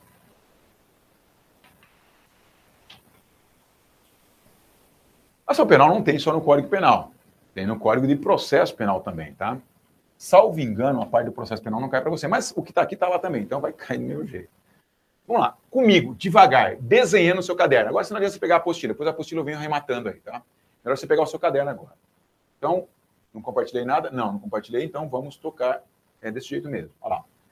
Vou colocar aqui no cantinho, ação penal. Pessoal, quais tipos de ação penal tem no Brasil? Quais tipos de ação penal tem no Brasil? Né? Ora, professor, que eu lembre, dois tipos de ação penal. Eu tenho ação penal pública e ação penal privada. Pública e privada. Tá? Ah, legal. Maravilha. Começamos bem. É... Deixa eu perguntar, antes de entrar na ação penal pública. Quem que é o titular da ação penal pública? Quem que é o titular da ação penal privada? Titular da ação penal pública. Quem que é? Você vai colocar assim, ó. Toda ação penal pública, titular é o Ministério Público, é o promotor. Você conhece aí, né? Tanto no crime militar como no crime comum, o titular é o promotor. Quem que é o titular da ação penal privada, pessoal? O titular da ação penal privada é o ofendido. É o ofendido. Ou seu representante, ó, representante legal. Então, o titular da ação penal pública é o promotor. O titular da, da ação penal privada é o ofendido. Ou seu representante legal. Tudo bem? Legal. É, pessoal, quando o promotor, ele, como titular da ação penal pública, logicamente, ele faz nascer, ele starta, ele principia a ação penal, ele o faz por meio de que peça? Qual peça que ele, que ele usa para startar, para inaugurar a ação penal. Porque a ação penal ela é inaugurada, a relação jurídica processual, quando o juiz recebe essa peça. Qual é a peça que ele faz startar? É a chamada denúncia. Denúncia, né, pessoal? Essa é a peça que faz nascer a ação penal, que é, é lavrada pelo promotor, é a denúncia, na ação penal pública. E na ação penal privada? Qual peça que principia? Qual peça que inicia a ação penal privada? Eu não sei. É, eu, pelo menos, antes de fazer direito, na academia não aprendi isso daqui, na academia do Barro Branco. Mas antes de fazer direito, eu não tinha noção disso aí. Eu vou te ensinar porque eu não tinha. Talvez você tenha já. Talvez sua formação tenha sido melhor que a minha até. É, mas a peça que faz nascer a ação penal privada é a chamada queixa. Queixa. Ou chamada queixa-crime. Tá? Queixa-crime. Mesma coisa, pessoal. Pessoal, eu não sei se você sabe. Mas, por exemplo, se você eu sei, eu sei porque eu participo, participo do conselho deliberativo do meu, do meu prédio, né? E, por exemplo, uma reunião condominial, uma reunião muito agradável, né? Pessoas levam salgadinhos, champanhes, vinhos, cervejas, e há aquele congraçamento, né? Aquela reunião agradável, né? Apesar que meu prédio é bem tranquilo mesmo. Né? A gente tocou corneta lá, coloca o pessoal em sentido, acabou, né? Mas é, como todo militar ganha terreno, conquista e, meu, aqui ó, é bom no pé direito, acabou. Mas é, é, a gente sabe que reunião condominial tem aquela mística de ser uma reunião tumultuada. Né? Imagina que você está na reunião condominial, alguém te falou, viado, filho da puta, cuzão, palhaço. Meu, você sabe que isso é crime contra a honra. Os crimes contra a honra, o artigo 138, 139 e o 140, que é a calúnia, difamação e injúria, né? 138, 139, 140, eles são de ação penal, regra, privada. Ação penal privada. Para alguém te processar numa situação dessa, você tem que contratar um advogado. Olha que legal, que interessante, né? Você tem que contratar um advogado, por quê? Porque se você não contratar um advogado, não haverá ação penal privada contra esse cara. Você pode até fazer um boletim de ocorrência. Só que, ao término do inquérito ou do boletim, o juiz vai ficar aguardando. Aguardando o advogado, né? O advogado entrar com o chamado ius acusaciones. Quem usa acusaciones? Não cai para vocês aqui, viu? É queixa-crime. Só o advogado pode oferecer queixa-crime. A queixa-crime. Só o advogado pode. Você tem que contratar alguém para processar outra pessoa pela prática de crime de ação penal privada. Quais são os crimes mais tradicionais de ação penal privada que podem cair para você? Está aqui já. Ó. 138, 139, 140, ou seja, calúnia, difamação e injúria. Nós vamos colocar na lousa também esses crimes contra a honra. Mas tem outros? Tem. Pode colocar aí, ó, o artigo 163, caput, 163 caput, que é o dano. E o caput e o parágrafo parágrafo único, né? Desculpa aqui, inciso 4. Então, o dano do caput, que é o dano simples, que é o destruir, utilizar, deteriorar coisa móvel, né? E o dano do parágrafo único, que é por motivo egoístico, tal, do inciso 4, esses danos são de ação penal privada. Qual outro crime de ação penal privada também que eu tenho que guardar? Que caiu na última prova de cabo. Qual dos crimes abaixo é de ação penal pública condicionada à representação? Caiu. Caiu sim. Então, assim, é... olha só. É... Podemos citar qual aqui? Então, citamos um 38, citamos um artigo 63, podemos citar o artigo 345. 345, sem violência, que é o exercício arbitrário das próprias razões. Quando eu passar por esse crime, você vai assustar. Você vai cair da cadeira quando eu explicar esse crime. Fala, meu, eu nunca vi isso. O cara está mentindo, não é possível. Não é possível que isso é crime de exercício arbitrário das próprias razões. Você vai duvidar. E se você contar para outra pessoa, ele vai duvidar, falar, meu, você teve aula lá no GTP com o Coronel Vitor, o cara falou isso? Se o cara duvidar, manda me ligar, por isso o telefone está aqui, ó. Eu explico para ele, eu desenho para ele. Pode ser oficial, pode ser. Eu, eu desenho para o cara. Porque às vezes o cara não sabe. E é um pseudo conhecedor. Não sabe. E eu vou te ensinar aqui o que cai no concurso. E a hora que eu passar pelo 345, você vai assustar. Você vai assustar. Você vai lembrar disso aí. Então, o 345, que é o quê? Exercício arbitrário das próprias razões sem violência, é de ação penal privada.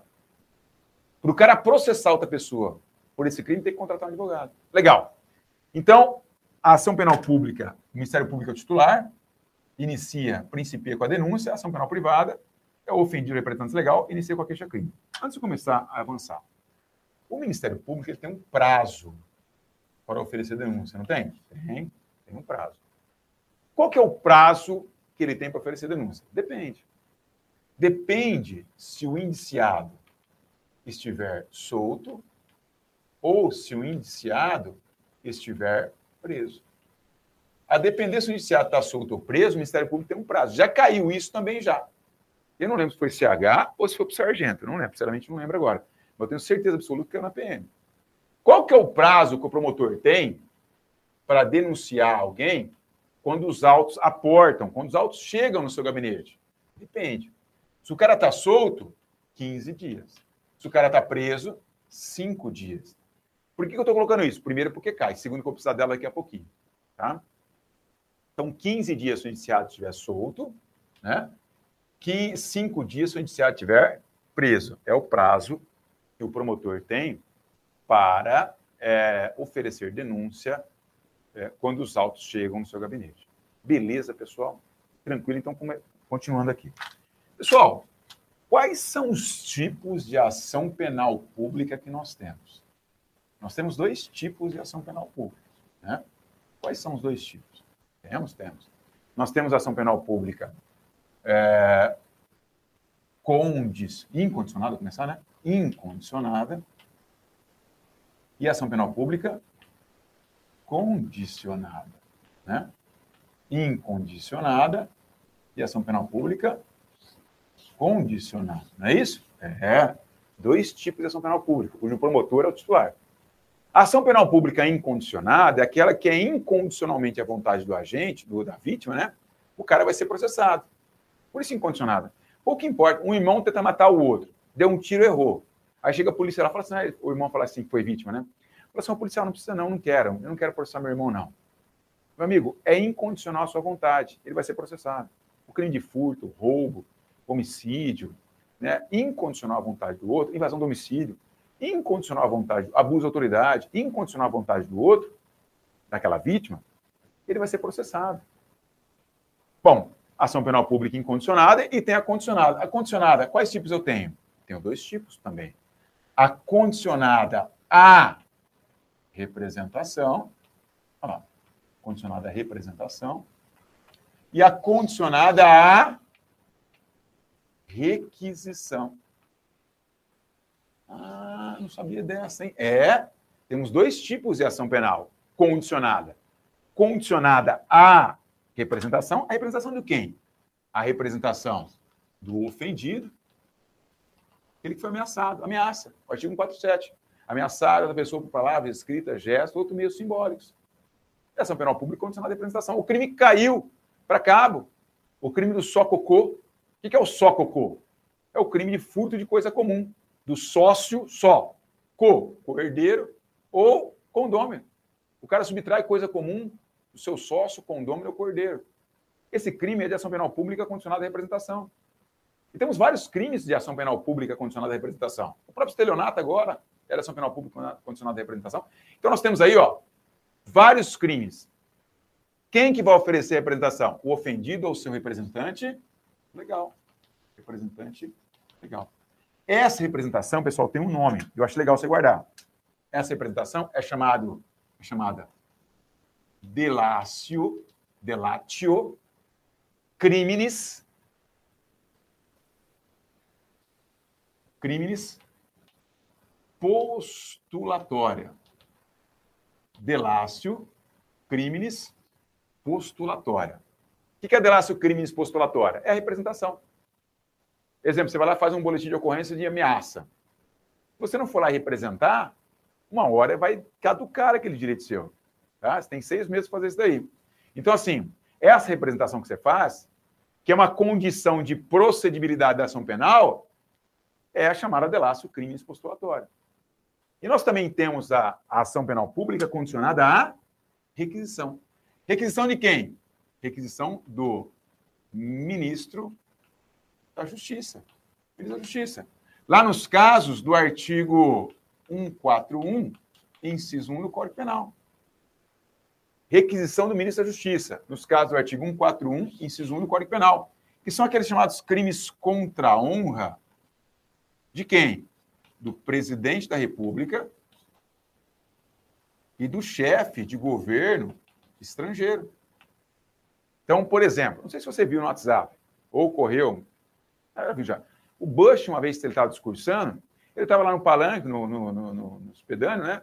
De repente ele desvia, pum, passa um, um, um, um, sapato. O repórter sacou o sapato e atirou no Bush. Aquilo é uma injúria real. É um crime contra. Se for no Brasil, para que esse indivíduo, esse jornalista seja processado, tem que haver a requisição do ministro da Justiça. Ou se alguém xinga o nosso querido presidente, né? Brasil acima de todos, Deus acima de tudo, né? é, xinga o nosso presidente, olha só haverá crime contra a honra do presidente se houver. Não haverá crime, não, só haverá o processamento desse cara. É, se houver o quê? Requisição do ministro da Justiça. Né? Requisição do ministro da Justiça. Então, quando haverá requisição? Nos casos dos crimes contra a honra do presidente da República ou de chefe de governo estrangeiro. Nós temos aí a ação penal pública condicionada à requisição. Tudo bem, pessoal? Legal? Maravilha. E ação penal pública privada? Quais tipos eu tenho? Vou complementar depois daí, tá? Quais tipos eu tenho? Eu tenho dois tipos de ação penal pública, três, na verdade. Ação penal, ação penal pública. Ação penal privada, cujo ofendido representante legal são os titulares, e para fazer nascer, eles têm que contratar um advogado, né? Para oferecer aí os acusações, chamada queixa ou queixa-crime. Quais são os três tipos? Nós temos lá, ó, a ação penal privada exclusiva, a ação penal privada personalíssima e a ação penal privada subsidiária. Subsidiária da pública. Então, quais são os três tipos de ação penal privada que nós temos? ação penal privada exclusiva, exclusiva, personalíssima e subsidiária da pública. Não foi desintencional que eu coloquei aqui, ó, exclusiva, personalíssima e subsidiária da pública, tá? É... Qual a diferença entre elas? Ó, o que é bom para você não nunca pediram isso. É difícil a Vunesp pedir, nós vamos explicar, mas é difícil pedir. Mas tem que guardar principalmente essa aqui, ó, que é de índole constitucional. Está na Constituição Federal, está no artigo 5 é, artigo 5 59. 59. Essa ação é de índole constitucional, a subsidiária pública. Deixa eu explicá-la é, daqui a pouquinho. Deixa eu explicar as, as menos importantes, eu volto para essa aqui, nós fechamos com ela, tá bom? Então, assim, ó, nós temos três tipos de ação penal privada: a, a exclusiva, a personalíssima e a subsidiária pública. Depois nós veremos isso daí no arremate na, na lei. Ou você lendo a lei, você vai encontrar isso que eu falei também. A exclusiva, pessoal, qual é a diferença dela? Deixa eu mostrar para você desenhando uma linha no tempo. Olha só, é exclusiva. Imagina, por hipótese, que aconteceu um fato aqui, que seja de ação penal privada. Exemplo, um crime contra a honra. Ô, viado, cuzão, filho da puta. É, desculpa a expressão do palavreado, principalmente as meninas estão na sala de aula, né? Mas, assim, é para ilustrar mesmo, para ficar mais real. Olha, aconteceu um crime contra a honra. Qual o crime? O crime de injúria. Crime de injúria, artigo 140. Meu, se é crime de ação penal privada injúria, abre-se a oportunidade aqui do cara oferecer uma queixa. Pergunto para você, você que foi injuriado, qual que é o prazo que você tem para oferecer a queixa? Comigo, tanto a queixa quanto a representação, ó, tanto a representação quanto a queixa ou queixa-crime, existe um prazo para ela ser formulada. Qual que é o prazo? O prazo é de seis meses. Seis meses, pessoal. Tanto a queixa quanto a representação é seis meses o prazo, chamado prazo. Vou colocar aqui, ó. Já caiu isso já. Prazo. Prazo decadencial. Decadencial. O que é um prazo decadencial? É aquele que marcha ao contrário. Olha lá, ele marcha ao contrário, é decadencial, né? Vai marchar ao contrário, ó. ó marcha ao contrário. Ele começa com seis meses, amanhã eu tenho cinco meses, 29 dias, cinco meses, 28, até esvair, até cadenciar ao contrário, até caducar. Já ouviu o fenômeno da caducidade? Caducidade. Ah, já ouvi já. A caducidade vem do quê? Vem do caducar desse prazo. Esse prazo que conta-se decadencial, uma cadência, né? algo progressivo. A decadência é algo regressivo. Então, é, o decadencial aí, ele importa o quê? Uma cadência ao contrário, em que começa com seis meses e vai cadenciando ao contrário. Tá? Tanto a representação quanto a queixa. Então, vamos lá, voltando para o caso concreto. Você foi injuriado ou foi injuriada. Qual que é o prazo que você tem para oferecer a queixa? Seis meses, não é isso? Isso, seis meses. Você sabe que se passou seis meses, não pode oferecer mais, porque vai caducar e o Estado não pune mais aquele, é, o injuriador ou injuriante, ou o querelado. Você, antes de seis meses, vai lá e oferece a queixa. Oferece a queixa. Você oferece uma queixa contra o querelado. Você é o querelante. Você oferecer a queixa contra o querelado. Isso, legal. O processo começa a andar. Lá na frente, o... não você, Deus livre guarde. Mas aquele que ofereceu a queixa, ele vem a morrer. Ele morre. E aí? Quem que vai continuar essa ação? Então, a pessoa foi injuriada, foi caluniada, foi difamada. Ele oferece a queixa, já crimes contra a honra são de ação penal privada. Começa a tramitar o processo, lá na frente morre. Olha, se morre o querelante, quem que retoma a ação? E aí vem o C aqui, ó. O CAD. O CAD vai assumir a ação. Quem que é o CAD? O cônjuge, o ascendente, o descendente, o irmão, podem assumir a ação e levá-la aos atos ulteriores.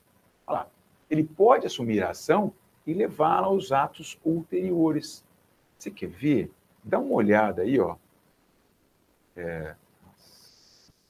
Pega o artigo 100, parágrafo 4 Pega o 100, parágrafo 4 Se você não tiver aí, eu vou compartilhar com você essa tela. 100, parágrafo 4 Olha só o que fala.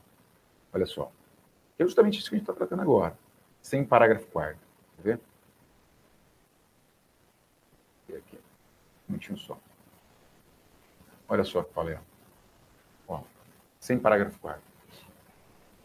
Compartilhar. No caso de morte do ofendido, ou de ter sido declarado ausente por decisão judicial, o cara se perdeu, o cara ficou ausente, né? Caiu o helicóptero, ninguém está achando ele.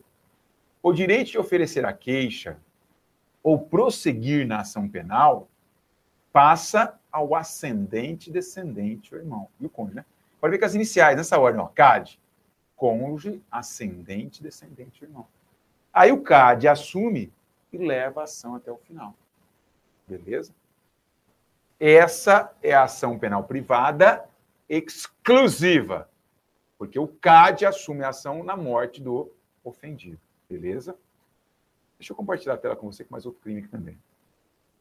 Não, 136, 236. 236. Imagina que o cara. Ah, não cai para você, por isso que eu não trouxe aqui. Não cai para você. Deixa eu pegar o. Então, deixa quieto. Vamos, vamos, vamos partir lá para a apostila mesmo. É, então, pegar aqui artigo. Isso, pronto. Está aqui já. Tá aqui.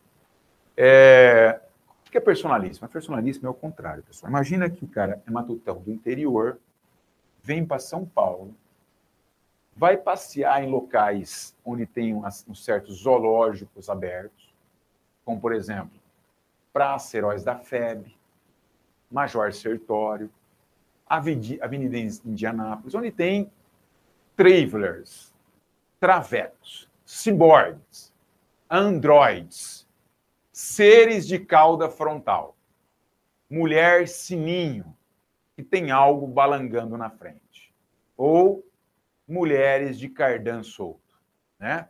Então ele vai passear nesses locais e conhece uma garota muito bonita, fala grosso, musculosa, mas até aí pode carpir café, pode puxar café no terreirão, né? Carpir carreador. O cara pode falar, meu, gostei dessa mulher aí. Vou casar com ela, que é uma mulher trabalhadeira, trabalha até a noite, ó. Trabalha em farmácia, né? Trabalha à noite. E aí ele vai e casa. E como o matuto do interior, nascido no balaio, criado na tuia, ele não tem cópula vagínica, né? Com ela até na noite de núpcias. E ao ir para a noite de núpcias, ele percebe que não é a Regina com que ele casou, e sim o Regino. Né? Olha lá, ele vai dormir e percebe que Papai do Céu, quando fez boneco de barro, assoprou para dar-lhes vida, e umas racharam. Nela brotou. E ele fala assim: não, não é possível. Olha só, esse crime é impedimento ocultação de erro essencial para o casamento. É um crime do artigo 236, está pressa a perder vigência, né? Mas é o único crime hoje que a gente pode citar como ação penal personalíssima. Ele tem, olha lá, é ação penal privada personalíssima. Ele tem um prazo para oferecer a queixa. Qual que é o prazo? Seis meses. Seis meses. Ele oferece em seis meses? Oferece a queixa contra essa mulher pelo crime do artigo 236. Começa a processar a, a mulher androide a mulher ciborgue. Ocorre que no meio da ação penal, o indivíduo morre. O que acontece? Como a ação penal privada ela é personalíssima, morre com ele a ação penal. Tá? O CAD não pode prosseguir. Então, qual é a diferença da ação penal privada personalíssima para exclusiva? É que se o querelante morrer na ação penal é, exclusiva, o CAD pode dar seguimento. Na personalíssima, morre a ação penal com ele. Beleza? E para finalizarmos, nós temos o que aqui? A ação penal privada subsidiária da pública, que é aquela que tem passagem constitucional. Deixa eu mostrar aí na, na Constituição para você. Quando eu passei por lá, eu passei, eu contei até a história de uma tenente, né, que ela foi desrespeitada por um soldado, que ela pegava no pé e tal. Deixa eu pegar a Constituição Federal aqui, ó. É... Privada, deixa eu ver. Deixa eu pegar a Constituição Federal, Ctrl Home, Ctrl Home, colocar aqui, Ctrl F, Ctrl L, é, privada, depois aparece aqui, aqui, não, 59, tá? Vou compartilhar com você o artigo 5 59, está aqui já compartilhado, né? Olha o que fala aí, pessoal. será admitida ação penal privada nos crimes de ação pública se essa não for intentada no prazo legal. Será admitida ação penal privada nos crimes de ação penal pública se esta não for intentada no prazo legal. Isso é o mesmo que eu tenho, eu tenho no artigo 5 59 da Constituição Federal, mas também, vou pegar aqui, ó, não dá, não dá.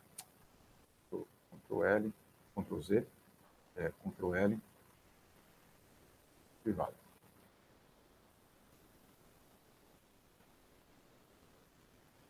Vamos ver se a gente consegue chegar lá no. Aqui, ó, chegou. Ação penal privada, artigo 100, tá vendo? Mesma coisa. Ó, artigo 100 vai ter a mesma, mesma, mesma configuração. Ó. Ação é pública, salvo quando a lei expressamente declarar privativo do ofendido. Né? Essa privativa do ofendido ela pode ser tanto condicionada à representação quanto privada. E a ação será iniciativa privada, é, será promovida mediante queixa, ou de quem o tenha qualidade representada. A ação penal iniciativa privada poderá, sim, tentar-se nos crimes de ação pública se o Ministério Público não oferecer denúncia no prazo legal. Então, o que nós temos aí? Ó? Nós temos tanto a ação privada no artigo 5 59, quanto no Código Penal, no artigo 100, parágrafo 3 Artigo 100, parágrafo 3 que fala a mesma coisa. Mas o que é isso, professor? Eu não entendi. Vamos ler o parágrafo 3 que é uma cópia quase fiel do artigo 5 é, 59. A ação de iniciativa privada pode intentar-se nos crimes de ação pública se o Ministério Público não oferece denúncia no prazo legal. Vamos para a lousa? Vou interromper o compartilhamento agora com para a lousa e a gente fecha a aula com essa informação. Vamos lá, para a lousa comigo aí. Olha só. É, qual que é o prazo que o Ministério Público tem para oferecer a denúncia? Seja na ação penal pública condicionada à representação, seja na ação penal pública condicionada à requisição. Qual que é o prazo que ele tem? Depende. Depende se o cara está, está o indiciado está solto ou se está preso. Se o Ministério Público pega um inquérito cujo indiciado estiver solto, são 15 dias que ele tem para oferecer denúncia. Se o indiciado está preso, 5 dias. Se ele não oferece denúncia em 15 dias, a partir do 16º dia, daqui para frente, ó, se ele não oferece denúncia até os, os quinto dia estando ele preso, a partir do sexto dia, o Ministério Público, é, é, desculpa, se não oferece denúncia no, no de, até o 15º dia, estando solto, é, ou até o quinto dia, estando preso, a partir do 16º dia, a partir do sexto dia, verte aí, brota a possibilidade de intentar-se, de oferecer uma queixa-crime em ação penal privada, pum, subsidiária da pública. Exemplo, Imagina no caso da Isabela Nardoni. A mãe da Isabela Nardoni é a representante legal dela, tá? E viu a sua filha sendo vitimada, né, de forma abusiva, ilegal, nossa, pelo amor de Deus, é, pelo, pelo Nardoni. Olha lá, o Ministério Público, o cara Nardoni estava preso, junto com a, com a namorada dele, estava preso os dois. O, o Ministério Público, se o cara está preso, tem cinco dias para oferecer denúncia após chegarem os autos do inquérito no seu gabinete. Se ele não oferecer denúncia em cinco dias, a partir do sexto dia, verte, brota aí a possibilidade do quê? Da mãe da Isabela oferecer uma queixa em ação penal privada subsidiária pública, para ficar à mercê do promotor. Porque o promotor, se ele, se ele descumprir o prazo, é prazo meramente ordinatório, não acarreta nenhuma sanção para ele. Mas tem que ficar lá eternizado o prazo, oferecer em cinco dias, dez dias, um mês, seis. Não a partir do sexto dia, do décimo sexto dia, brota a possibilidade do ofendido ou do seu representante legal oferecer aí o quê? Uma queixa-crime ou uma queixa em ação penal privada subsidiária pública. Então, a terceira espécie, a mais pedida em concurso é, de ação penal privada, é a subsidiária pública, presente no artigo 5 59 e o artigo 100, parágrafo 3 do Código Penal. Beleza, pessoal? Fechamos a ação penal aqui já. Ó. Lousa extremamente recheada aí, né? Bastante informação. É, fica à disposição aí, nós temos mais cinco minutos ou dez minutos aí para esclarecer dúvidas. Não tendo, na próxima aula, que é de amanhã, entraremos na parte especial do Código Penal já. Crimes contra a pessoa, crimes contra o patrimônio, é, e depois seguiremos com a, crimes contra a atividade sexual. Se tiver dúvida, fica aberto aqui, né? Pode perguntar pelo chat, pode perguntar abrindo o áudio aí, fazendo a pergunta diretamente. Pois não, pessoal. Nada. Letícia, Silva Júnior, Salustiano. Nada. Demais aí que estão presentes. Nada também. Obrigado. Fiquem com Deus. Até a próxima. Minha continência mais respeitosa a cada um dos senhores e senhoras presentes aí. Até a próxima, pessoal.